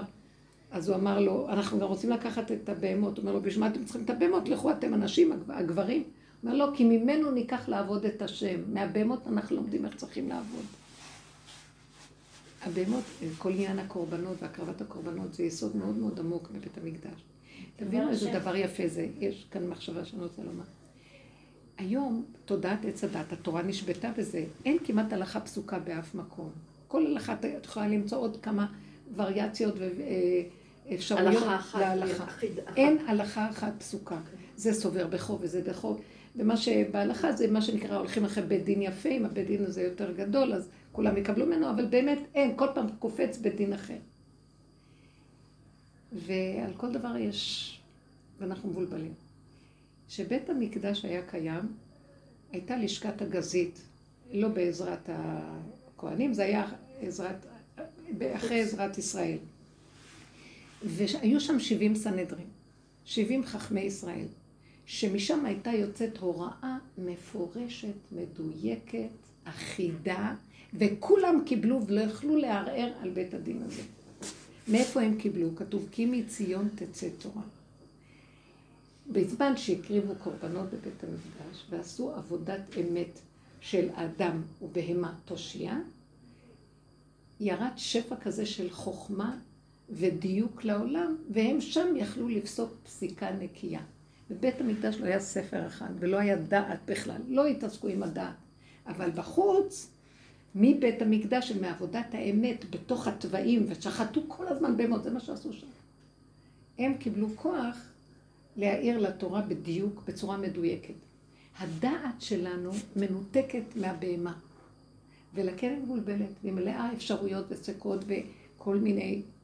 אם אנחנו יורדים לבהמה ומתחילים לחיות עם הגבוליות שלנו, בנכנעות, בפשטות, זה כל העניין של אה, שהשם אוהב את הכבשים, קורבן מהכבש, הרכלה, הכל בנכנעות לבורא עולם, מתוך הגבוליות של האדם, ולא מתוך כל יכול שלו, מיד גל של חוכמה ממלא את האדם. מתוך הקטנות יוצא אור. אה, נחל נובע, ממנו נובע חוכמה. והיא לא באה מהמוח של עץ הדת בכלל, זה לא קשור. מה קשור? חוכמה לא באה משם. הוא יודע הכל מעצמו. הנה, מאבן השתייה יוצא כל המים הקדושים. בשביל מה הוא צריך את הדעת? זו דעת שהשם רוצה שאנחנו נסגור אותה. בעצם הדעת של עץ הדעת, העץ הזה, שורשי, שורשיו, זה עץ החיים. כך כתוב, שעץ הדת ועץ החיים זה אותו עץ. הענפים שלו זה עץ בתוך הגן. בתוך הגן, כאילו זה במקום מרכזי כזה שמשם זה מתפצל. בתווך. התווך זה נקודת האיזון, זה הגילוי האלוקי, זה הדיוק במידה, המדידה. המאזניים עומדות באמצע ויש איזון ודיוק. בשורשים זה נקרא עץ החיים. במוח זה סבך של יער, איל אחר נאחז בסבך בקרניו. אפשרות כזאת וכזאת, וריבוי ודמיון, והחטאת המטרה. אז אותו עץ, האריזל אומר שזה אותו עץ. השורשים. בוא, אנחנו עושים אחורה לשורשים, זה הכל מה שאנחנו עושים. בואו נרפה מהדבר הזה. אני לא מתחילה להתנדב להרפות, אבל המצוקות עושות את זה. נשאל שאלה, למה אנחנו במצוקות? אז רק כשאנחנו כל כך קטנים, אנחנו יכולים לדייק. זה נקודה ועוד נקודה ועוד נקודה, ואז זה קו בעצם, ממש אה, קו ישר כזה של... אי אפשר בגדלות הזאת שלא לטעות ולא לחטוא. לעולם שלא נפסיק לחטוא. הגדלות מחטיאה אותנו. אני אומרת, יצאתי מיום כיפור, איך אנחנו יוצאים, וואי, זכים ומוארים ושמחים. עוד לא חזרתי הביתה, כבר אני, כבר. אני מסתכלת ואני אומרת, אצל השכן כבר עשו הבדלה, ישר אני אומרת, אה, בעלי עכשיו בטח ימשיך עוד ללמוד, והוא גם יעשה קידוש לבנה, בכלל לא אכפת לו ממני שאני כבר מתמוטטת. ישר התחילו לי מחשבות, אמרתי, רק עכשיו יצאת כמו מלאך משם ישר, בשניות. ואז אמרתי, ואז אלי, אז תעשי לבד, את לא צריכה אותו. ואמרתי לעצמי, רגע לפני כן היית בשיא הגבהים ובשיא הזה, ותראי איפה רגע אחרי כן. לעולם שהמוח הזה ישגע אותה. מה עשית בפועל? אה? מה עשית בפועל? בפועל, בפועל עשיתי הבדלה. כי אתם יודעים למה? כי זה חלק מהעבודה. אני עכשיו רק, זה שיעור השקפה, ובאמת יש תרגילים בעבודה. אני אומרת לו, אבל אבא, אתה יודע מה, אני נורא צריכה כוס קפה עכשיו, וזה בסדר, אני לא אדון את עצמי, ואני לא אשפוט, ואני לא כלום, אני אעשה פעולה קטנה, זה בסדר ההבדלה. לא בסדר הפרשנות והשופטנות, זה לא בסדר. לעשות הבדלה זה בסדר. כי אני רוצה כן לשתות, ואני לא, לא יכולה לחכות יותר. גם אני לא רוצה לחכות יותר. אין מצווה לצום עוד. הוא בגדלות, כן. אני רוצה לשאול, כשהרבנית אמרה שמגיעות, מגיעה אלינו אפשרות, ואז אני מרגישה שנפתח משהו. כשבאות יותר מאפשרות אחת, איך אני יודעת מה, מה הדבר נכון? האמיתי? אני רואה שיש ריבוי, ואז אני רואה שיש קצת ספק ובלבול, אז אני לא במקום הנכון. אפילו לא ספק, בעוד שתי אפשרויות טובות. בדיוק. מה שנקרא צרות של עשירים. יש שתי. אפשרויות טובות. אני אפילו הזמנתי, התפללתי, הייתי אבל את לא שמה לב, הגיעו לה שתי אפשרויות טובות. זה נקרא? ספק. מה, איך אני יודעת לא מה אפילו- לבחור? אני אפילו לא. בספק. לא, את. את מדלגת, את לא שמה לב. שמה? אני מדויקת. ברגע שאת לא יודעת לעשות זה או זה, זה נקרא ספק. את לא מבינה? לא, אבל איך היא תבחרה? לא. לא, אז אני הולכים אחורה. לא הולכים לא אחורה. לבחור, פשוט לא לבחור כרגע עד שתחליטי את לבחור. צריכה לדעת שהאדם, הרגיעות של האדם נובעת מהרגע. רגיעות ורגע. שאין לו עוד רגע. אם הוא יהיה ברגע הזה והוא ישקיף על רגע נוסף, אז הוא כבר לא ברגע. שמעת? אז עכשיו, לך יש שני דברים, מכאן אני הסקתי, שאת לא ממוקדת בדבר. אז מה אני מסיקה? תקשיבו לי למחשבה. מה אני מסיקה שאת נמצאת בדת? כי הדת יש לה ריבוי. תרדי מהדת ותנשמי. ותגידי, אני נושמת, ואין לי רק שאני צריכה להחליט על דבר אחד. אם כן, מה אני אעשה? ואז אני אגיד לך, אל תהיי במצוקה מתוקתי. תעשי אנדלדינו. לא. מה זאת אומרת? אולי זה יותר. את רואה, הנה הספק. אני אתן לך הצעה, תקחי את זה. אמרתי, לא, אבל אולי זה... הנה, אתם רואים את הספק? אני כבר רואה את התהליך. ואז אני אומרת לך, מה אכפת לך מה? תסגרי את המוח ותגידי, לא חשוב מה העיקר, שיהיה לי מה שנקרא בהירות מהספק. היתר, אין שמחה כהתרת הנקודה. מה אכפת לך מה? לא, אני שמה דגש, הגדלות. אולי גם זה יכול להיות, ולמה אני אפסיד גם את זה? אולי זה טוב, אבל גם זה. לא רוצה, לא זה ולא זה. אני רוצה מנוחה, רגיעות. לבחור זה, אני מחליטה. לא המוח יגיד לי, אבל גם זה וגם זה. ואני אומרת לו, אל תבלבל אותי, תעשה לי טובה. לך אצל הגויים, שם הם יכולים להכיל את הבלבולים. אני רוצה, אני קטנה, אני רוצה רק דבר אחד כאן ועכשיו. מה אכפת לי אם זה יהיה זו או זה? העיקר הרגיעות אכפת לי. שמת לב איפה שמתי את המיקוד שלי? על הרגיעות ועל שלוות הנפש, ולא על הערך עצמו של החפץ. לא רוצה כלום יותר, רוצה שקט. זה בלתי אפשרי, בלתי אפשרי. בלתי אנחנו, טוב, אתה רוצה כוס קפה, לשים סוכר, לא לשים סוכר. לא? אז אני רואה שאני מבולבלת, אני אומרת לא צריך קפה. שמעתם? אם אני מבולבלת, אני אומרת לא צריך קפה. אחרי רגע אני ניגשת, לא שוויתרתי על הקפה, ויתרתי על הבלבול הרגע הזה. אחרי רגע ניגשת ועושה קפה. לא, אם בא לך... תבינו איך אנחנו חיים. מה שאנחנו לא רגע. כל- הספק הזה של כאילו, סוכר או לא. סוכר, זה נכון, לא נכון, בריא, זה לא בריא. זה, תבדילי בין החפץ לבלבול. כאילו. כן, אבל אי אפשר, אי אפשר לזכור את כל החלומות. זה מותקי. אנחנו לא לא נוותר לך, כן אפשר. יודעת איזה מתיקות זה כשאת מתחילה לסגור את החלונות? את צריכה ברגע, את בסדר, בית נקי, לא נקי, הספק, לא הספק, את עושה השתדלות כך. זה נכון. את נכנסת למקום אחר, זה לא שאת פחות עושה. לא שאת פחות לומדת, את עושה את זה, אבל במקום אחר, במקום של עוצמה, לא מקום של חולשה. תגיד, אני אתן דוגמה, הילדים שלי היום השאירו לי, אני ישבתי בית נקי, חזרתי, השמן אחר, אוקיי? הכל, הם הכינו לעצמם כל מיני דברים. עכשיו, כן רציתי להרוג אותם.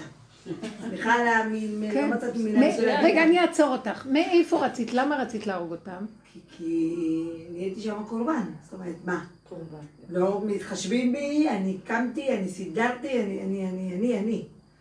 אז באמת, שם אני הייתי צריכה פשוט לעזוב. שישאר לא, כי הלכתי אחרי המור... כי מה עשיתי? אני רוצה שתראו, ת- תתחילו לשים פנס על עצמכם ולראות, ולאט לאט נקבל את השפה הזאת. קמתי והשקפתי על מה שקרה. עשיתי סדר זה וזה, והם באו, קלקלו לי את הכל. אוקיי. אז מה עשיתי? נכנסתי, הלכתי למעלה, הסתכלתי מלמעלה בעץ חמישים אמה למטה, וכל זה אינו שווה לי, ונהייתי במצוקה. תרדי ישר ותגידי, נכנסתי, ראיתי, מה קשור? לא קשור אליי כאן כלום. לא רוצה להתרגז.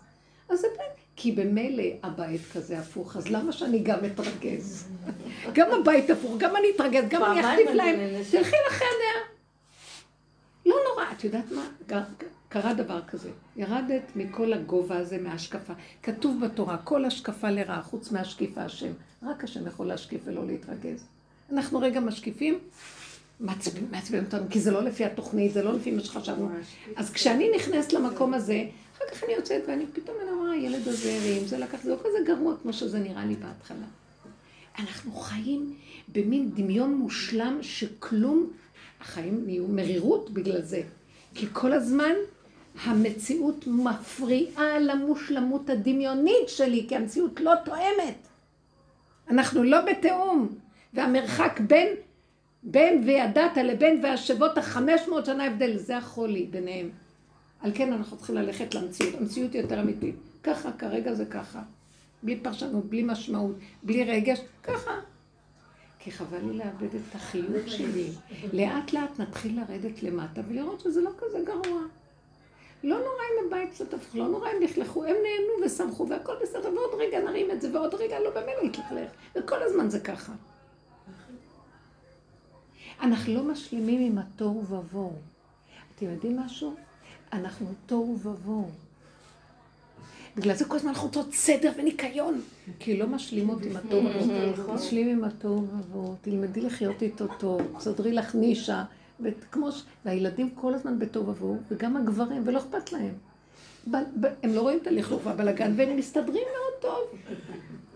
אני, היה לי שיפוץ בבית, והבנים שלי לקחו את העניין הזה והחליטו שהם יעזרו. אתם, אני הייתי, אני כמעט יצאתי מדעתי כמובן, רק לראות אותם וללמוד איך הם נראים. הכל בלאגן. הם לוקחים כלי, משאירים אותו, הרצפה כאן, זה כאן, והם, אבל מה, הם עומדים ביניהם, ואיך הם נהנים מהבלגן. הם יושבים על זה, והם הם, אה, מתכננים את המצב, ומדסקסים את הזה, ושלושה אנשים עומדים ליד התקע, ועכשיו הם לומדים מה צריך פה, ואיך, לא, והכל בלגן, ואני רק אומרת, טוב, תחזירו את זה למקום, ואת זה תסדרו, ואת זה תעשו, ו... והם, לא, אל תפריעי לנו, הם נהנו מהבלגן. ואני שמתי לב שכל הזמן. זה נראה. סיפור לא אמיתי, את בשלב כזה שאת... אה, לא זה לא יכול להיות כזה דבר. לא, את לא מאמינה יקרה שלי, את לא מבינה שעץ הדעת, כל עוד. אני חיה בעולם, הוא גם חי איתי, הוא לא בקלות מת. אבל עכשיו זה לא כמו פעם. אז אני רואה את זה, ואז אני אומרת, תזהרי, תחזרי אחורה ותרפי. מתי שהם יקראו לך לתמונה, תיכנסי. קראו לי יום וחצי לפני פסח לתמונה. לסדר את הבלגן. ואז אני אמרתי, אז איך אני אעשה את זה? וצעקתי לה שם, אז מה אתה רוצה שאני אעשה עכשיו? אני רוצה להגיד לכם שזה לא היה אנושי.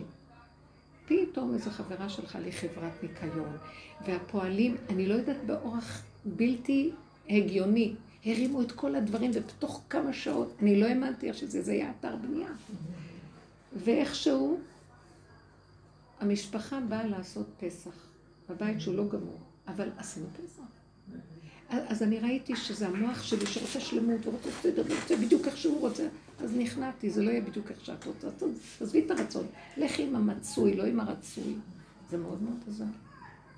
איזה תרגיל מתאים כאן? איך? איזה תרגיל מתאים כאן לעבודה? קודם כל, אני אקח את הכלל הראשוני. תצלמו את המציאות של המצוקה שקורה להם, קורה לכם באיזה דבר.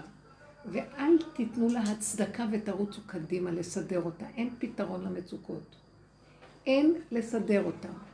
יש רק להכיר וללכת אחורה. לקבל אותם? איך? להתבונן, לקבל אותם. להסתכל. לקבל, להסתכל עליהם, ו- ודרך זה אני רואה את עצמי. אז מתחילה ללמוד, תראי איך את נראית.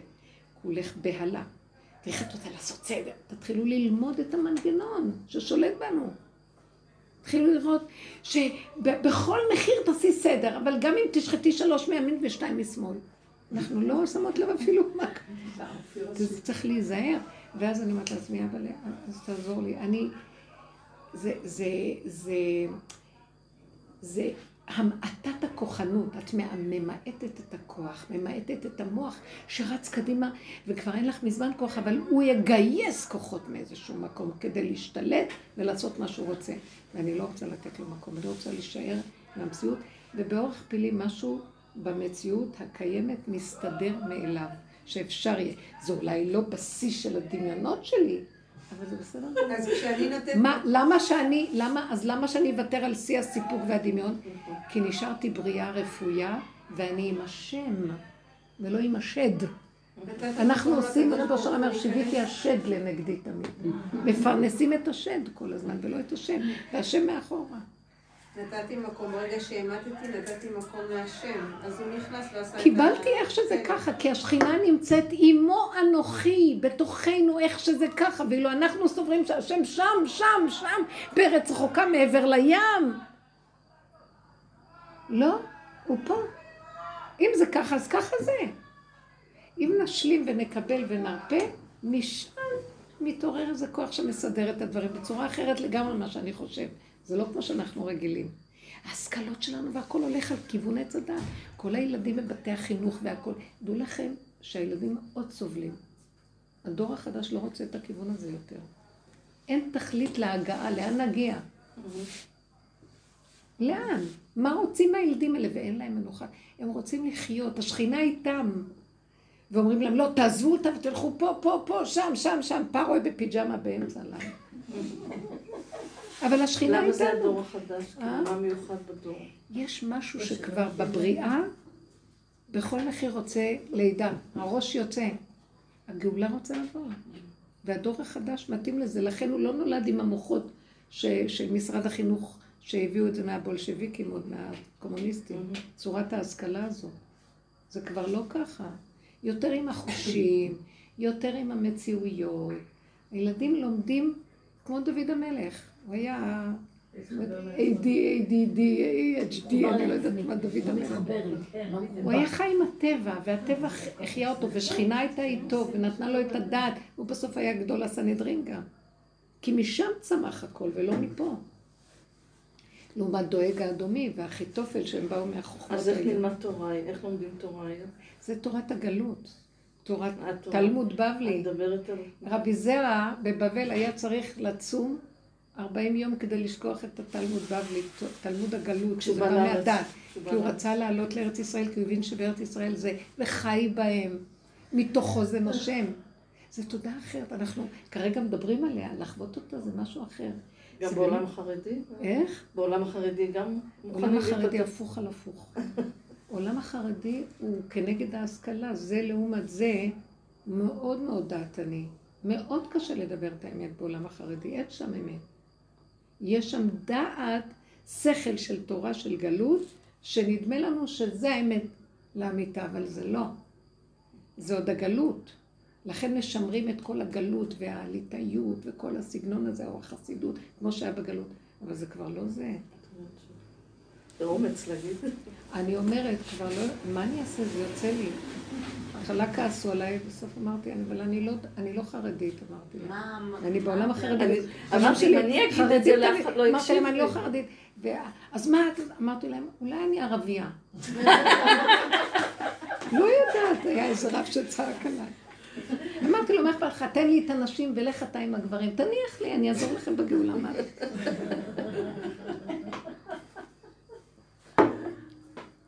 לא, אין לי, בהתחלה זה לא היה קל. הילדים שלי אמרו לי, אמא, כאילו, רציתי לצאת עם כובע שמש, אמרו לי, אמא, זה לא יפה, תצאי עם כובע שמש, זה לא יפה בעולם. אמרתי להם, אני כבר לא... לא, אני כאילו... זה לא חשוב, אני גם לא משהו אחר, אתם לא מבינים? אין הגדרה לאמת. רב אושר היה אומר, אני חילוני שומר תורה ומצוות. איך הוא הגדיר את עצמו. הוא חילל את, ה, את, ה. את ההגדרות ואת הספריות. הוא חי עם האמת, והאמת היא כל רגע זורמת לפי הסיבה. הכל בסדר בעולם, אין חילונים ואין חרדים ואין כלום. יש רגע, אתם לא מבינים שאין? זה המוח שלנו עושה סדר. אין, אין, זה לא נכון. אין אלה כאלה ואלה, זה המוח מגדיר. כולם בני איש אחד אנחנו, ועכשיו זה רק האחדות. ואהבת ישראל פשוטה. ולא חשוב שכל אחד יעשה, העיקר תלכו, בוא, בוא, בוא, האחדות נובעת מהקשר שלנו עם בורא עולם, כי הוא הכוח שמאחד אותנו. לא עץ הדת יאחד אותנו. זה אחדות שתלויה בדבר. אם אתה תלבש את אותה כיפה ואותו קו, אז אני מאוחד איתך. לא. אחדות נובעת מבפנים. שאינה תלויה בדבר. תעשה מה שאתה רוצה. העיקר, אנחנו מהשם קשורים, אז בסדר, אתה רגע אחד עושה ככה רגע אחד. לא, לא, מה זה קשור אליי? אני לא רוצה לבקר, אני לא רוצה לטעון, אני גם לא רוצה להיות קנאית בתוך הדת. זה הקנאות היא לא טובה. כי באמת, באמת, תורת עץ הדת יש בה קנאות, כי אני חייב, אבל תורת השם, שהשם בתוכי יסדר את התורה שלו, מה הוא רוצה ממני? הנה הכלים, הנה הידיים והרגליים. אני לא רוצה לריב עם אף אחד, לא רוצה לשנוא בגלל התורה. אני לא מוכנה, לא מוכנה, זה שקר. ממש. אבל התורה של עץ החיים מחזרת אחרינו, די, היא אומרת, די, תנו לי להתגלות. אני אביא לכם רפואה, אני אביא לכם ישועה, אתם תקועים. אנחנו תקועים מאוד. ואני חיה בתוך השכונה החרדית, בתוך העולם, מה אני יכולה לעשות? ואני אוהבת אותם, הכל בסדר. פעם היה לי קשה, אחר כך אמרתי, מה קשה לך? זה הדמיונות שלך, הכל בסדר. תראי אותם בלי בגדים. כאילו מה? תראי, את הבן... לא, את הולכת, את רואה את זה, ישר את מסווגת זה, את מקטלגת זה, את נותנת לו שם. למה? תראי אותם הם בני אחד, מאיש אחד אנחנו מתוקים טובים. אבל זה החול של הדור הזה, הרי מקדמים אותך, אתה דתי כזה, במיוחד גם במגזר הזה, אתה דתי זה דוסי, זה מספיק, זה light, זה... כאילו, שחררו. שקר, לשחרר. כן, אבל מצד שני, התורה דורשת, לא, לא, לא, לא, לא, לא, לא, לא, לא, לא, לא, לא, לא, התבלבלנו, עץ הדעת, הוא גרם לנו את כל הבלבול, התורה לא דורשת. לא, לא, זה תורת הגלות. עכשיו צריך לתת להשם להתגלות, והוא יגלה לנו את תורת האמת. איבדנו את האמת שבתורה. התורה לא רוצה מאיתנו את כל זה. בגלל הגלות זה נהיה ריבוי, ריבוי, ריבוי, עד שאת כבר לא יודעת איפה כאן התורה. לא, לא, זה לא תורה. אפילו החכמים כבר לא יודעים. מה כן, מה לא, מה לא, מה כן. זה נגד זה והוא נגד זה, וכולם שותקים כבר, כולם מרגישים. ואין משמעות להלכה שמחייבת אותנו לפי זה? ההלכה לא ברורה. לא, האדם צריך להכיר. שבת, צניעות, הרבה משפחה, זה לא ברור? זה ברור. אבל פשוט, עכשיו תראי מה ההבדל. יש הלכה פה ויש הלכה מבשרי. לפעמים אני לא מצליחה להדליק נרות בדיוק בזמן איך שכתוב. אז בני הבית אומרים, אה, כבר זה... אז אני אומרת לכם, רק רגע, רגע, זה השעון שלכם ולי יש את השעון שלי. זה עוד לא מתאים לי עכשיו להדליק נרות. אז זה נורא נבהלו מהדיבור, אני הבהלתי את כולם מאוד. ואז אמרתי להם, אני חייבת להקשיב לבשרי. זה לא מתאים לי עכשיו להדליק, אני עוד לא רגועה להדליק נרות. אני יודעת מתי להדליק נרות. ולפעמים זה יהיה מאוד מאוד סמוך, אני מדליקה נרות. אבל לא אחרי שבת. אז הם אמרו לי, אבל אם את מסתכנת, אמרתי להם, השם נמצא בקו דק בין לבין. אתם מדי מדי מסודרים כבר שם, אז אף פעם אתם לא נפגשים איתו. זה קשה מה שאני אומרת לכם, תקשיבו, אתם מבינים מה אני אומרת? המוח לקח מה שבטוח בטוח, חמישים שנה פור, כאן. אז פעם אמרתי, באמת, אני לא, אני מספרת לכם נקודות. עכשיו, אני לא עושה את זה כי אני בא לי בדעת שלי לעשות את זה. אני לא מסוגלת להדליק בזמן שאומרים, זה לא תמיד, אבל קורה. לא מסוגל, כאילו משהו לא מסרב, יש לי עוד משהו לעשות, יש עוד... והם מלחיצים אותי, ואני אומרת אל תלחיצו אותי. אני מבטיחה לכם שהשם לא ייתן לי להדליק מעבר לזמן. יש לו זמן מדויק, אני איתו. קשה לנו. לא פעם הם אמרו, אנחנו נשאל את הרב, אמרתי, תשב. אז הרב אמר להם, ואתה לא נכנס רגע לפני השקיעה. לשבת, שאל את בעלי, רגע, אתה לא נכנס רגע לפני השקיעה לשבת? למה לגברים מותר ולנשים לא? יש להם הארכת זמן. ואין להם הרבה פעולות, ולי יש מיליון פעולות, ואני צריכה עוד 40 דקות נכון, קודם. למה? למה באמת? אז אה, למה? כי האישה חטאה, אז היא צריכה לשאת עליה את השק. ואז האישה חטאה, והיא צריכה לשאת את השק. מרגע שאמרתי חטאתי, התחלתי להוריד את השק, כי הסכמתי שחטאתי. אתם מבינים את ההבדל? הסכמתי, אני תקועה, ואני לא יכולה אחרת. אז תראה, אם אתה לא תסדר אותי, אני, אני אחלל שבת, תחזיק אותי. השם אומר, טוב, טוב, זאתי, תחלל לי שבת, אני חייב להתגלות. אתם לא מבינים שאנחנו חייבים להכריח אותו, זה מה שאמר דוד המלך, העיר השחר? אני חייב שתתגלה עליי, כי אין לי כבר כוחות ואין לי כלום. אתה נתת תורה, אתה חייב להתגלות בה. אתה לא יכול לתת לי תורה וללכת, ואחר כך לדון אותי. כי אני אפול פה, כי כאן היצר הגדול ואני פה, לא יכולה. אם אני הולכת אליו כמו קטן, בתמימות, ילד קטן רץ, מי מחזיק אותו שלא יפול לבור? אתם לא רואים איזה ניסים יש מילדים קטנים? כל רגע יש משהו. אז אני אומרת, זה, זה לא שאני עושה את זה בכוונה, זה כאילו הגבוליות מחזיקה אותי. הוא מחזיק אותי בגבול, הוא מתגלה בגבול. עכשיו, אני לא מדברת רק על... יש נקודות שאנחנו צריכים... החרדה השכלית היא לא טובה. החרדיות היא בשכל. ואז אמרתי לבן שלי פעם, אשרי אדם מפחד תמיד. אנחנו נקראים חרדים כי אנחנו מפחדים. אז הוא אמר לי, אשרי אדם מפחד תמיד. אז אמרתי לו, אתה יודע מה שקרה בעולם החרדי? החלטנו שאנחנו חייבים להישאר באשרי אדם מפחד תמיד. מכאן ועד עולם, אני תמיד חרד. אתה יודע מה שאיבדנו? את ההתחדשות בחרדה. אז אני כבר מסודר, כי אני כבר מראש יודע 40 דקות לפני, וזה אני אעשה ככה, אז אין לי שם מפגש עם השם. אתם מבינים מה אני מדברת? לקחתי מה שבטוח בטוח, הדעת מה שבטוח, וזה נקרא גלות. תלמוד ירושלמי הוא אחר, הוא חי, זורע ומאמין בחי עולמים. אין מסכת זרעים בתלמוד בבלי, בתלמוד ירושלמי יש מסכת זרעים. כן. מאמין בחי, אני לא יודע, אני עומד תמיד על המקום שאני לא יודע, אני תלוי, אני נושא עיניי אליך, אני מתחנן, וזהו, אין איתי יודע עד מה.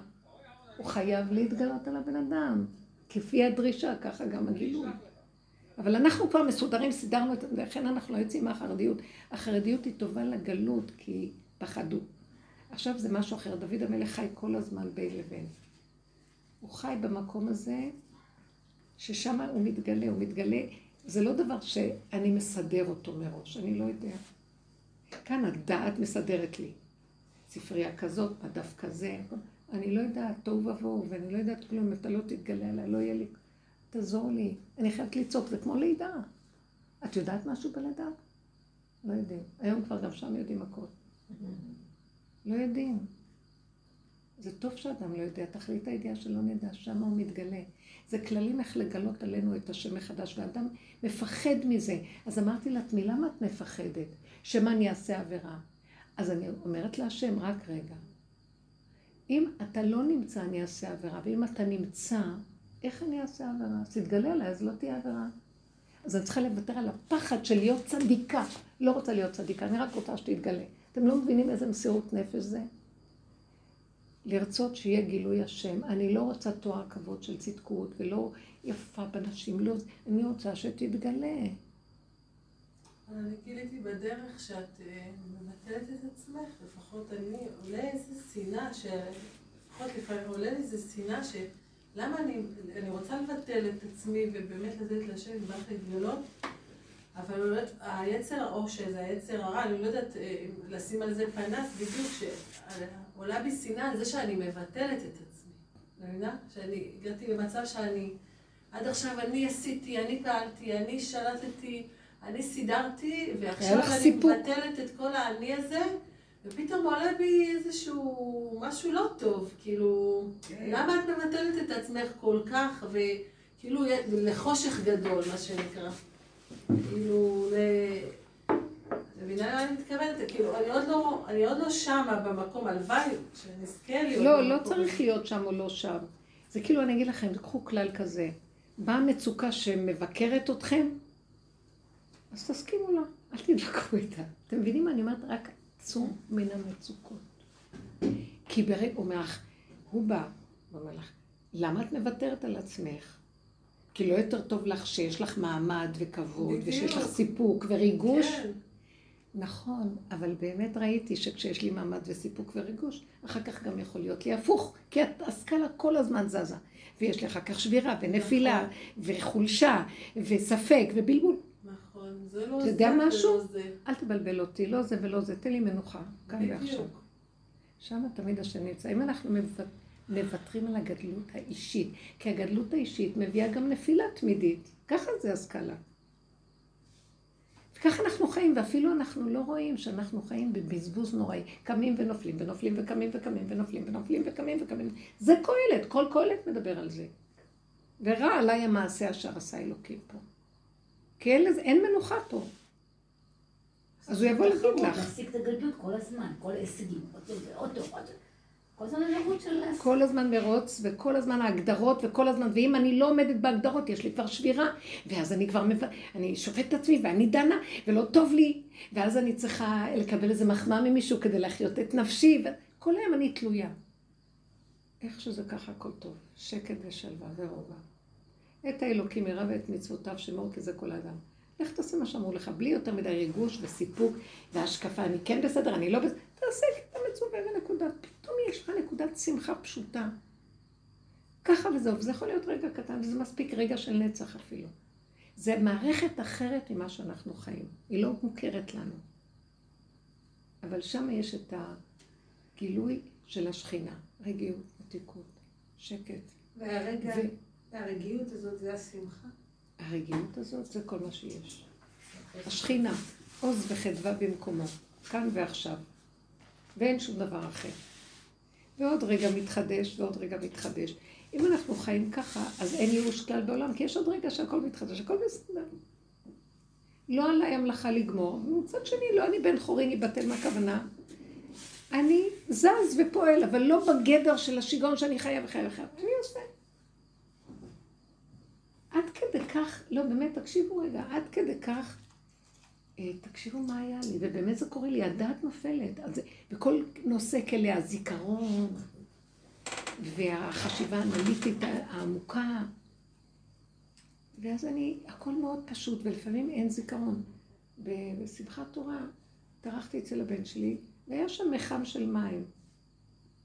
ורציתי לעשות לי קפה. אבל לא ראיתי את המחם, כאילו משהו לא ראה בכלל. ומה, הלכתי למכונה החשמלית, התמי הזה, והדלקתי. ואחר, ואז אני שומעת את הרעש של המכונה, ופתאום התעשתתי. אמרתי, מה את עושה? ואחרי רגע אמרתי, זה לא אני עשיתי. לא ביקרתי ולא שפטתי ולא כלום. גולם. מה אתה רוצה מהגולם? ואני רוצה להגיד לכם שזה לא נראה בשכל, מה שאני אומרת, גילוי שכינה יהיה רק שיפרצו עד הסוף את הגבול. כמו תמר ויהודה. שם יתגלה משיח, זה קשה. אני לא, אני לא אתנדב לעשות את זה בידע. פשוט הגולם ידע ודרכו נעשה. מישהי אמרה לי, שהיא באה לשיעור שלי, אז היא אומרת לי, תקשיבי מה היה לי. הלכתי, היא הרבה שנים בשיעורים, הן עובדות ממש... אז עברתי ליד איזה מקום שראיתי, בנתניה זה היה נערים ונערות כאלה, ממש פורקי עול. אבל הם היו טובים, הסתכלתי עליהם לרגע, ופתאום היה לי איזה חיזיון, ככה היא אמרה לי. ראיתי כנפי שכינה, ככה היא אמרה לי, ואני, לא מפנטזת. יש כזה דבר שפתאום מתגלה. ואני לא רואה את הפנים שלה, לא, כלום, אני רק רואה, ואני יודעת שהיא כל כך אוהבת אותם, והיא שמחה בהם מאוד מאוד. ואין, כאילו, והתעוררתי לשנייה, כי היא רצתה לבקר אותם, כחמירים. ופתאום מופיע לה איזה משהו שאמר לה, אל תבקרי, אני אוהב אותם, איך שהם, הם הילדים שלי. המוח בא מבקר, כי יש סדר, הם לא מתנהגים טוב. ואז אמרתי לה, את יודעת שהוא כותב את זה בלשם, שעל מנת שתבוא הגאולה צריכים עד הסוף להוציא את הרע החוצה. שהוא יצא, עד שיתפוצץ הבלון, אז תהיה הגאולה. כי, כי מידת הדין, עד שהיא לא תצא עד הסוף ותמצה את עצמה, האש אוכלת, אוכלת עד שהיא נגמרה. ואז תהיה הגאולה. אז חייבים את ההגשמה של השלילה. ואת זה אנחנו לא רואים, אנחנו כל הזמן דנים. אל תדונו, אל תשפטו.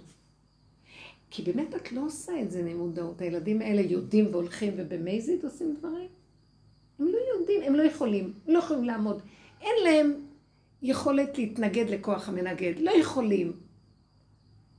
הם מתוקים. אנחנו שופטים אותם, דנים אותם, שונאים אותם, מקטלגים אותם, אז הם יכולים להרע ולהזיק. אבל איך שהם ככה? לרגע, מה אכפת לי? לא אוהב אותם. אם אנחנו לוקחים את כל השלילה ומלמדים עליה זכות, כאילו, מסתכלים עליה בעין, זה לא שלנו פה כל. מה שנשארנו לעשות זה להגיד, אני לא יותר טוב מהם. אם אתה לא היית מחזיק אותי ברגע אחד נופלת. לא החזקת אותי, הדלקתי את החשמל, אני לא יותר. אני לא מוכנה לדון את עצמי. אני לא אדון את עצמי ולא אדון אף אחד. או נגיד, פו, אני לא אדון אף אחד וגם אני לא אדון את עצמי. לא רוצה יותר דין, לא רוצה קטרוג, לא רוצה, רוצה השלמה, קבלה, אנחנו לא יכולים. לא יכולים. תגאל אותנו, תתגלה. זה חיים אחרים לגמרי. אתם יודעים איזה שמחה יהיה לכם בבית עם הילדים ועם הבעל ועם כולם? כי אף אחד לא יכול שום דבר מה שזה ככה, איך שזה ככה. גם אם נראה לכם שנעשה משהו רע, תסתכלו ותגידו, לא, לא. לא לראות רע. לא לראות רע, הכוונה זה לא רע, אל תפרשי את זה רע. תודעת עץ הדת תפקידה לפרש. לא רוצה לקטלג. ואנחנו אומרים לבורא עולם, תתגלה עלינו, אנחנו לא יכולים. זה כמו שמישהו חולם חלום, אז תמיד אומרים צריך לפרש את זה לטובה. תדעו לכם, אם ירד הפרשנות ונקבל את הכל איך שזה, ורק נבקש מבורא עולם שיחזיק אותנו, ונחיה אותו את הרגע באמונה שהוא שומע אותי והוא מקשיב לי, הוא יתגלה עליי, והוא ירפא אותי. בגלל שאני לא יכולה אחרת. הייתה איזו אישה כזאת, בחצר של רב אושר, שהיא הייתה אישה מבוגרת, לא מאוד, נגיד בת אה, חמישים, והיא באה אליו ואומרת לו, רב אושר, לא מרגישה טוב. אז הוא אמר לה, אין לך כלום. אז היא הלכה ככה שאין לה כלום. עברו כמה חודשים, ומישהי מהמשפחה שלה לקחה אותה לרופא. אז הוא אמר לה, את יודעת שיש לך את המחלה? אז היא הלכה לרב אושר ואמרה לו, רב אושר, הרופא, תמימה, אני זוכרת אותה, אני הכרתי אותה. הרופא אמר שיש לי את המחלה. אז הוא הסתכל עליה ואמר אין לך את המחלה, אין לך כלום. אז היא חזרה לרופא ואמרה לו, הצדיק אמר שאין לי כלום. אז הוא צחק עליה. היא חיה איזה עשרים ומשהו שנה שאין לה כלום. ורק לקראת הסוף היא קצת הלכה להתאשפז. היא הייתה בודדה ולא היה לה משפחה ולא כלום. לא יודעת, משמיים גם ריחמו, אבל היא לא חיה את השנים האלה בסבל שיש לה. וכמה חסדים היא הייתה עושה, ואהבה מאוד ילדים, תמיד ממתקים וילדים וסביבה ותהילים. מתוקה כזאת. אבל תקשיבו רגע, הפסיכולוגיה הזאת של המסכנות, והחרדה, ומה לא, והרופאים, הנה. זה רק פסיכולוגיה? אה? הוא אמר לה את זה מסיבה פסיכולוגית, זה שהיא תאמין שאין לה כלום? זה- זה- לא, זה כי באמת, המוח שלנו עובד עלינו פסיכולוגית שיש לנו, אבל אין לנו לא, היא כלום. אומרת איך הוא אמר לה שאין לה את המחלה, אם היה... לא, האם הוא התכוון באמת, הוא אמר, טוב, אתם יש לה... יודעים אבל- שאין לנו כלום? יש נקודה אחת, והמוח עושה אחד ועוד אחד ועוד אחד ועוד אחד ועוד אחד, ונהיה ריבוי, ואנחנו מאמינים ויש. תמיד זה מתחיל מנקודה קטנה. אם היא חיה שאין, אז עשרים ומשהו שנה היא חיה שאין. אתם מבינים מה אני מתכוונת? זה לא התפתח. בסוף היה איזה משהו, אני לא יודעת במה היא הלכה. זה דבר מדהים, אנחנו על ידי חשיב, והייתה לה אמונת חכמים פשוטה, פשוטה, פשוטה, שימו אמר לה, אז ככה זה. ביום שיש כל כך הרבה חולים, וכל כך הרבה אירועים שאתה שומע, איך אתה יכול אה, לתת להם כוח. מה להגיד להם? אין לכם. אנחנו בטח. במקום שאתה מכיר, לא... את יכולה לדבר איתם. תראי, אנחנו צריכים להיות חיים במקום הזה כדי לדבר את הדבר הזה, זה לא מהדעת. שאם אני חי, ש... בוא נגיד, כל אחד מהמצוקות שלו, חס וחלילה, שלא יהיה שום דבר. ויש רגע מצוקה, ואת באותו רגע רוצה לצעוק, להרגיל, את אומרת, אבל אין כלום, זה הדמיון שלך מרבה את זה, וההתרגשות שלך מגדילה, ובאמת את עושה מדבר קטן דבר גדול, ואת הולכת לאיבוד. אז תחזרי, תנשמי עמוק, ותגידי, אז יש נתון כזה, קבלי, תשלימי. את יכולה לעשות משהו, תעשי, במנוחת הנפש. לא יכולה לעשות שירי, זה לא בשבילך. הדבר ילך. אותו דבר גם עם חולי. ואני יודעת שאנשים עולים על זה היום, והם מתנהגים כבר ככה בעניין של מחלות. הם לא מוכנים לקחת את זה כאילו, לא מה שפעם היה, והיו רק מהידיעה מתים, חלילה. אלא הולכים למקום של אני נושם, אני חי, אני מכיל, אני עושה מה שאני יכול, ואני מאמין. זורע ומאמין בחי עולמים. זהו, והשאר לא שייך אליו בכלל. ואתם יודעים שאין מה שנקרא מיתה, אנחנו חיים, כל רגע אנחנו מתים וחיים גם. ויש מה שנקרא שאדם הולך והוא לא מת. והמתים בחייהם קרויים, הצדיקים במיתתם קרויים חיים. המושג של מוות וחיים זה הפרשנות של עץ הדעת, וזה דמיונות, והוא מפחיד אותי נורא. לא רוצה לחשוב על זה, אני רוצה לחיות את הרגע. והרגע הוא טוב לי, ואני לא יודע כלום, מה אכפת לי? מה זה קשור אליי פה כלום? צמצום המוח פנימה. ותראו איך הוא נראה איך שאנחנו חיים, אנחנו לא קשורים לפה, אבל רק יש לנו ידיעה ישר פה ופה ופה ולא ישנים בלילה והולכים זה ואולי ואבל וזה וטלפונים ואנשים ופירורים. צריכים לעשות מה שצריך, זה לא אומר שנשאר כמו אנשים נדהמים. יש פעולות, יש שכל פשוט של עשייה, אבל הרגש והפסיכולוגיה החרדתית הנלווית זה ריבוי של שיגעון, זה עץ הדעת. הוא ממית אותנו עוד לפני שמות, חלילה. של מה? למה? מה צריך? את רואה את הכוס, זה מה שאת רואה. המוח אומר, לא, אבל מחר מה יהיה ולא יהיה. אני לא יודעת, אני יודעת כאן. צמצמו את המוח לכאן ועכשיו. תיכנסו לתודעה שהייתה בגן עדן. לא מוכנה להיכנס בריבוי יותר. התמעטות. זה וירטואלי דרך אגב. מה זה משנה? הכוס פה כרגע. המחשבות וירטואליות. ההרהורים זה עוד הר והר והר, והפרשנות והמשמעות. זה לא... את לא יכולה למשל שזה. זה אמיתי יותר. אז זה קיים. אבל אני כל הזמן מסתכלת שאת לא שותה את הכוס. ואני רוצה להגיד לך, תשתי. אז אז אז כן או לא? הכוס תהיה כאן כל הזמן. כי לא, זה מתקרר. אני- מאוד, אני אוהבת את הקפה חם, ואם הוא מתקרר לי, אני כבר לא אוהבת את זה. חמודה. לא, אז אני נכנעת שהוא לא יכול להיות כל הזמן חם. אז אני לא אשתה. כאילו אני רואה, למשל, דוגמה קטנה, אתם לא מבינים, תעבדו בקטנה, תלמדו. אני רואה את עצמי איך שאני צריכה שזה יהיה חם ומדויק. ואז אני רוצה את הקפה, אבל אני רואה שזה לא חם, זה לא איך שזה ככה, אני לא יכולה לשתות אותו. אז עכשיו אני יכולה להריץ את כולם, תביא לי מים, תביא לי סוכר, תביא לי זה, תחממי לי, תקחי. אז אני אומרת לעצמי, תיכני, וזהו, כמה ששתית זה טוב. נחמד. אתם מבינים מה אני אומרת? זו דוגמה, אני לא באה לספר על עצמי. זה כל הזמן לחפש נקודות איפה אני אהיה רגועה. עכשיו, המוח שלי לא רגוע, הוא צריך קפה, והקפה ירגיע אותו. לא. הוא רק סיבה איך לראות שאני לא רגועה, שאני יכולה להרגיע את עצמי בצורות שונות. השלמה, קבלה. טעים, בקטן, נהניתי, היה טוב. אני רק נותנת דוגמאות, אני לא מדברת על עצמי, כי אני בוקה ומבולקה, תוהו ובוהו ובלאגן, בכל רגע מחדש עובדת. אבל דבר אחד אני רואה, תדעו לכם, מי שהולך בדרך הזאת ועובד, והשם איתנו, ובדרך שאדם רוצה ללך מוליכים אותו, נהיה, בעולם מתחיל להתגלות השם, הוא רוצה לעשות פה סדר. הטבע לא עובד כמו שהיה קודם. השם רוצה להתגלות פה. כוחי ועוצם ידי לא, לא הולך. מרגישים שיש איזה משהו.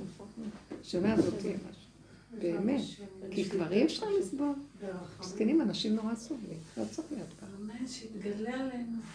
אז הוא יתגלה עלינו כשיש כלי, כי כשאין כלי הוא לא יכול להתגלות. כי אם הוא יתגלה, יהיה כאן חורבן חלילה. אתם יודעים שאם אין כלי, למה במצרים הוא דילג ומהר, מהר, מהר פסח, כי לא היה להם כלי להאכיל. לא היה להם מצוות, לא היה להם כלום, לא היה עבודה, לא היה כלום. אז הוא דילג מהר, כי אם הוא ירד, הוא יפרק את מצרים, יפרק גם את עם ישראל. אז לכן אנחנו צריכים את הכלים, והכלים זה הקטנות. זה נקרא כלי. כלה, כלה ונפסד, אין לו. כן, מלשון כלום. מלך, כלום, זה אותם אותיות. כלום. אני קטן. זה עושה שיגעון הגדלות, וזה וירטואלי, זה עץ הדמיון, זה בכלל לא קיים. קיים עכשיו הנשימה והרגע, וטעים לי ונעים לי וטוב לי. למה אני צריכה לסבול? הוא הביא אותי לענות אותי מעולמו. וכשאני סובלת זה כאילו אני כופרת בטובתו ובעולמו. אנחנו צריכים לעזור לעצמנו לחזור למתיקות, להודעה. אז כל רגע של מתיקות צריך להגיד מזמור די... תגידי אוקיי. תודה סתם. במילה שלך. לא חייב להגיד פרק תהילים.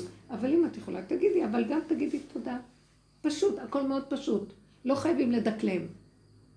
את יכולה להגיד, תגידי, זה גם שיגעון, כל התפילות והדקלומים. איך את יכולה לגמור את כל המחזור הזה ביום כיפור? זה שיגעון הגדלות, זה לא אנושי. אני אספר משהו יפה מאחד הבנים שלי, שכולנו משתדלים שהילדים הנכדים יברכו ויתפללו וכל זה.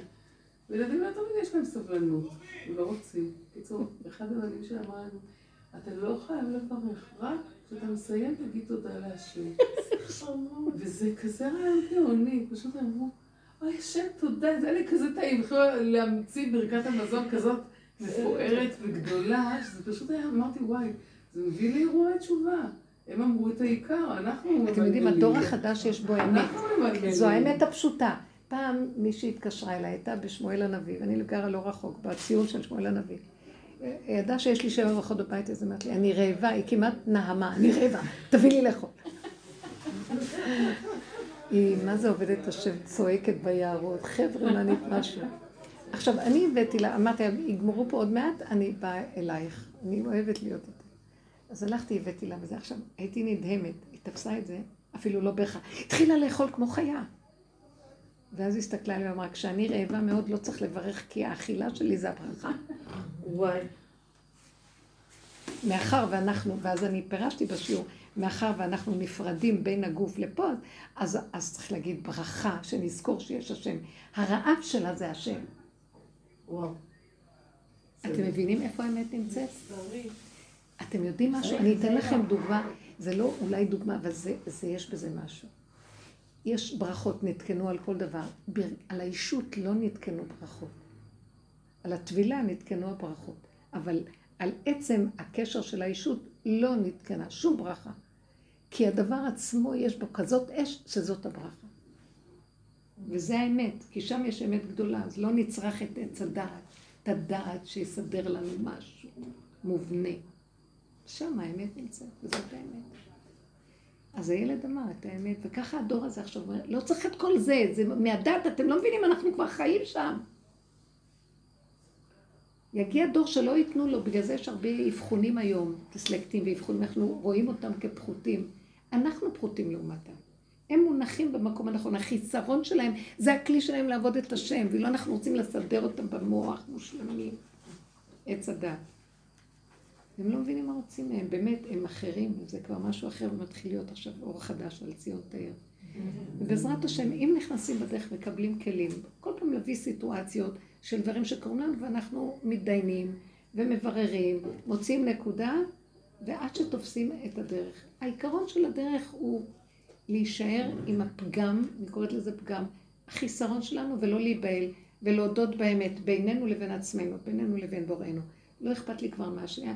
אנחנו חיים בתודה שכל הזמן צריכה להצ- להצטדק ולהסביר לשני ולהוכיח לו ולסדר את העניינים שיחשוב עלייך.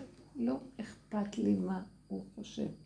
אכפת לי להכיר את הנקודה שלי ולהודות האמת. זה צריך בגרות נפשית יש לדבר הזה. אתם יודעים מה זה להשתחרר מהמאוימות של הסובב? זה, אין לך בן חורין יותר גדול מזה.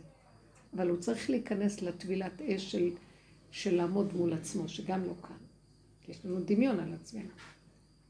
השם ייתן לנו כוח, בעזרת השם. תודה רבה לכם. תודה רבה.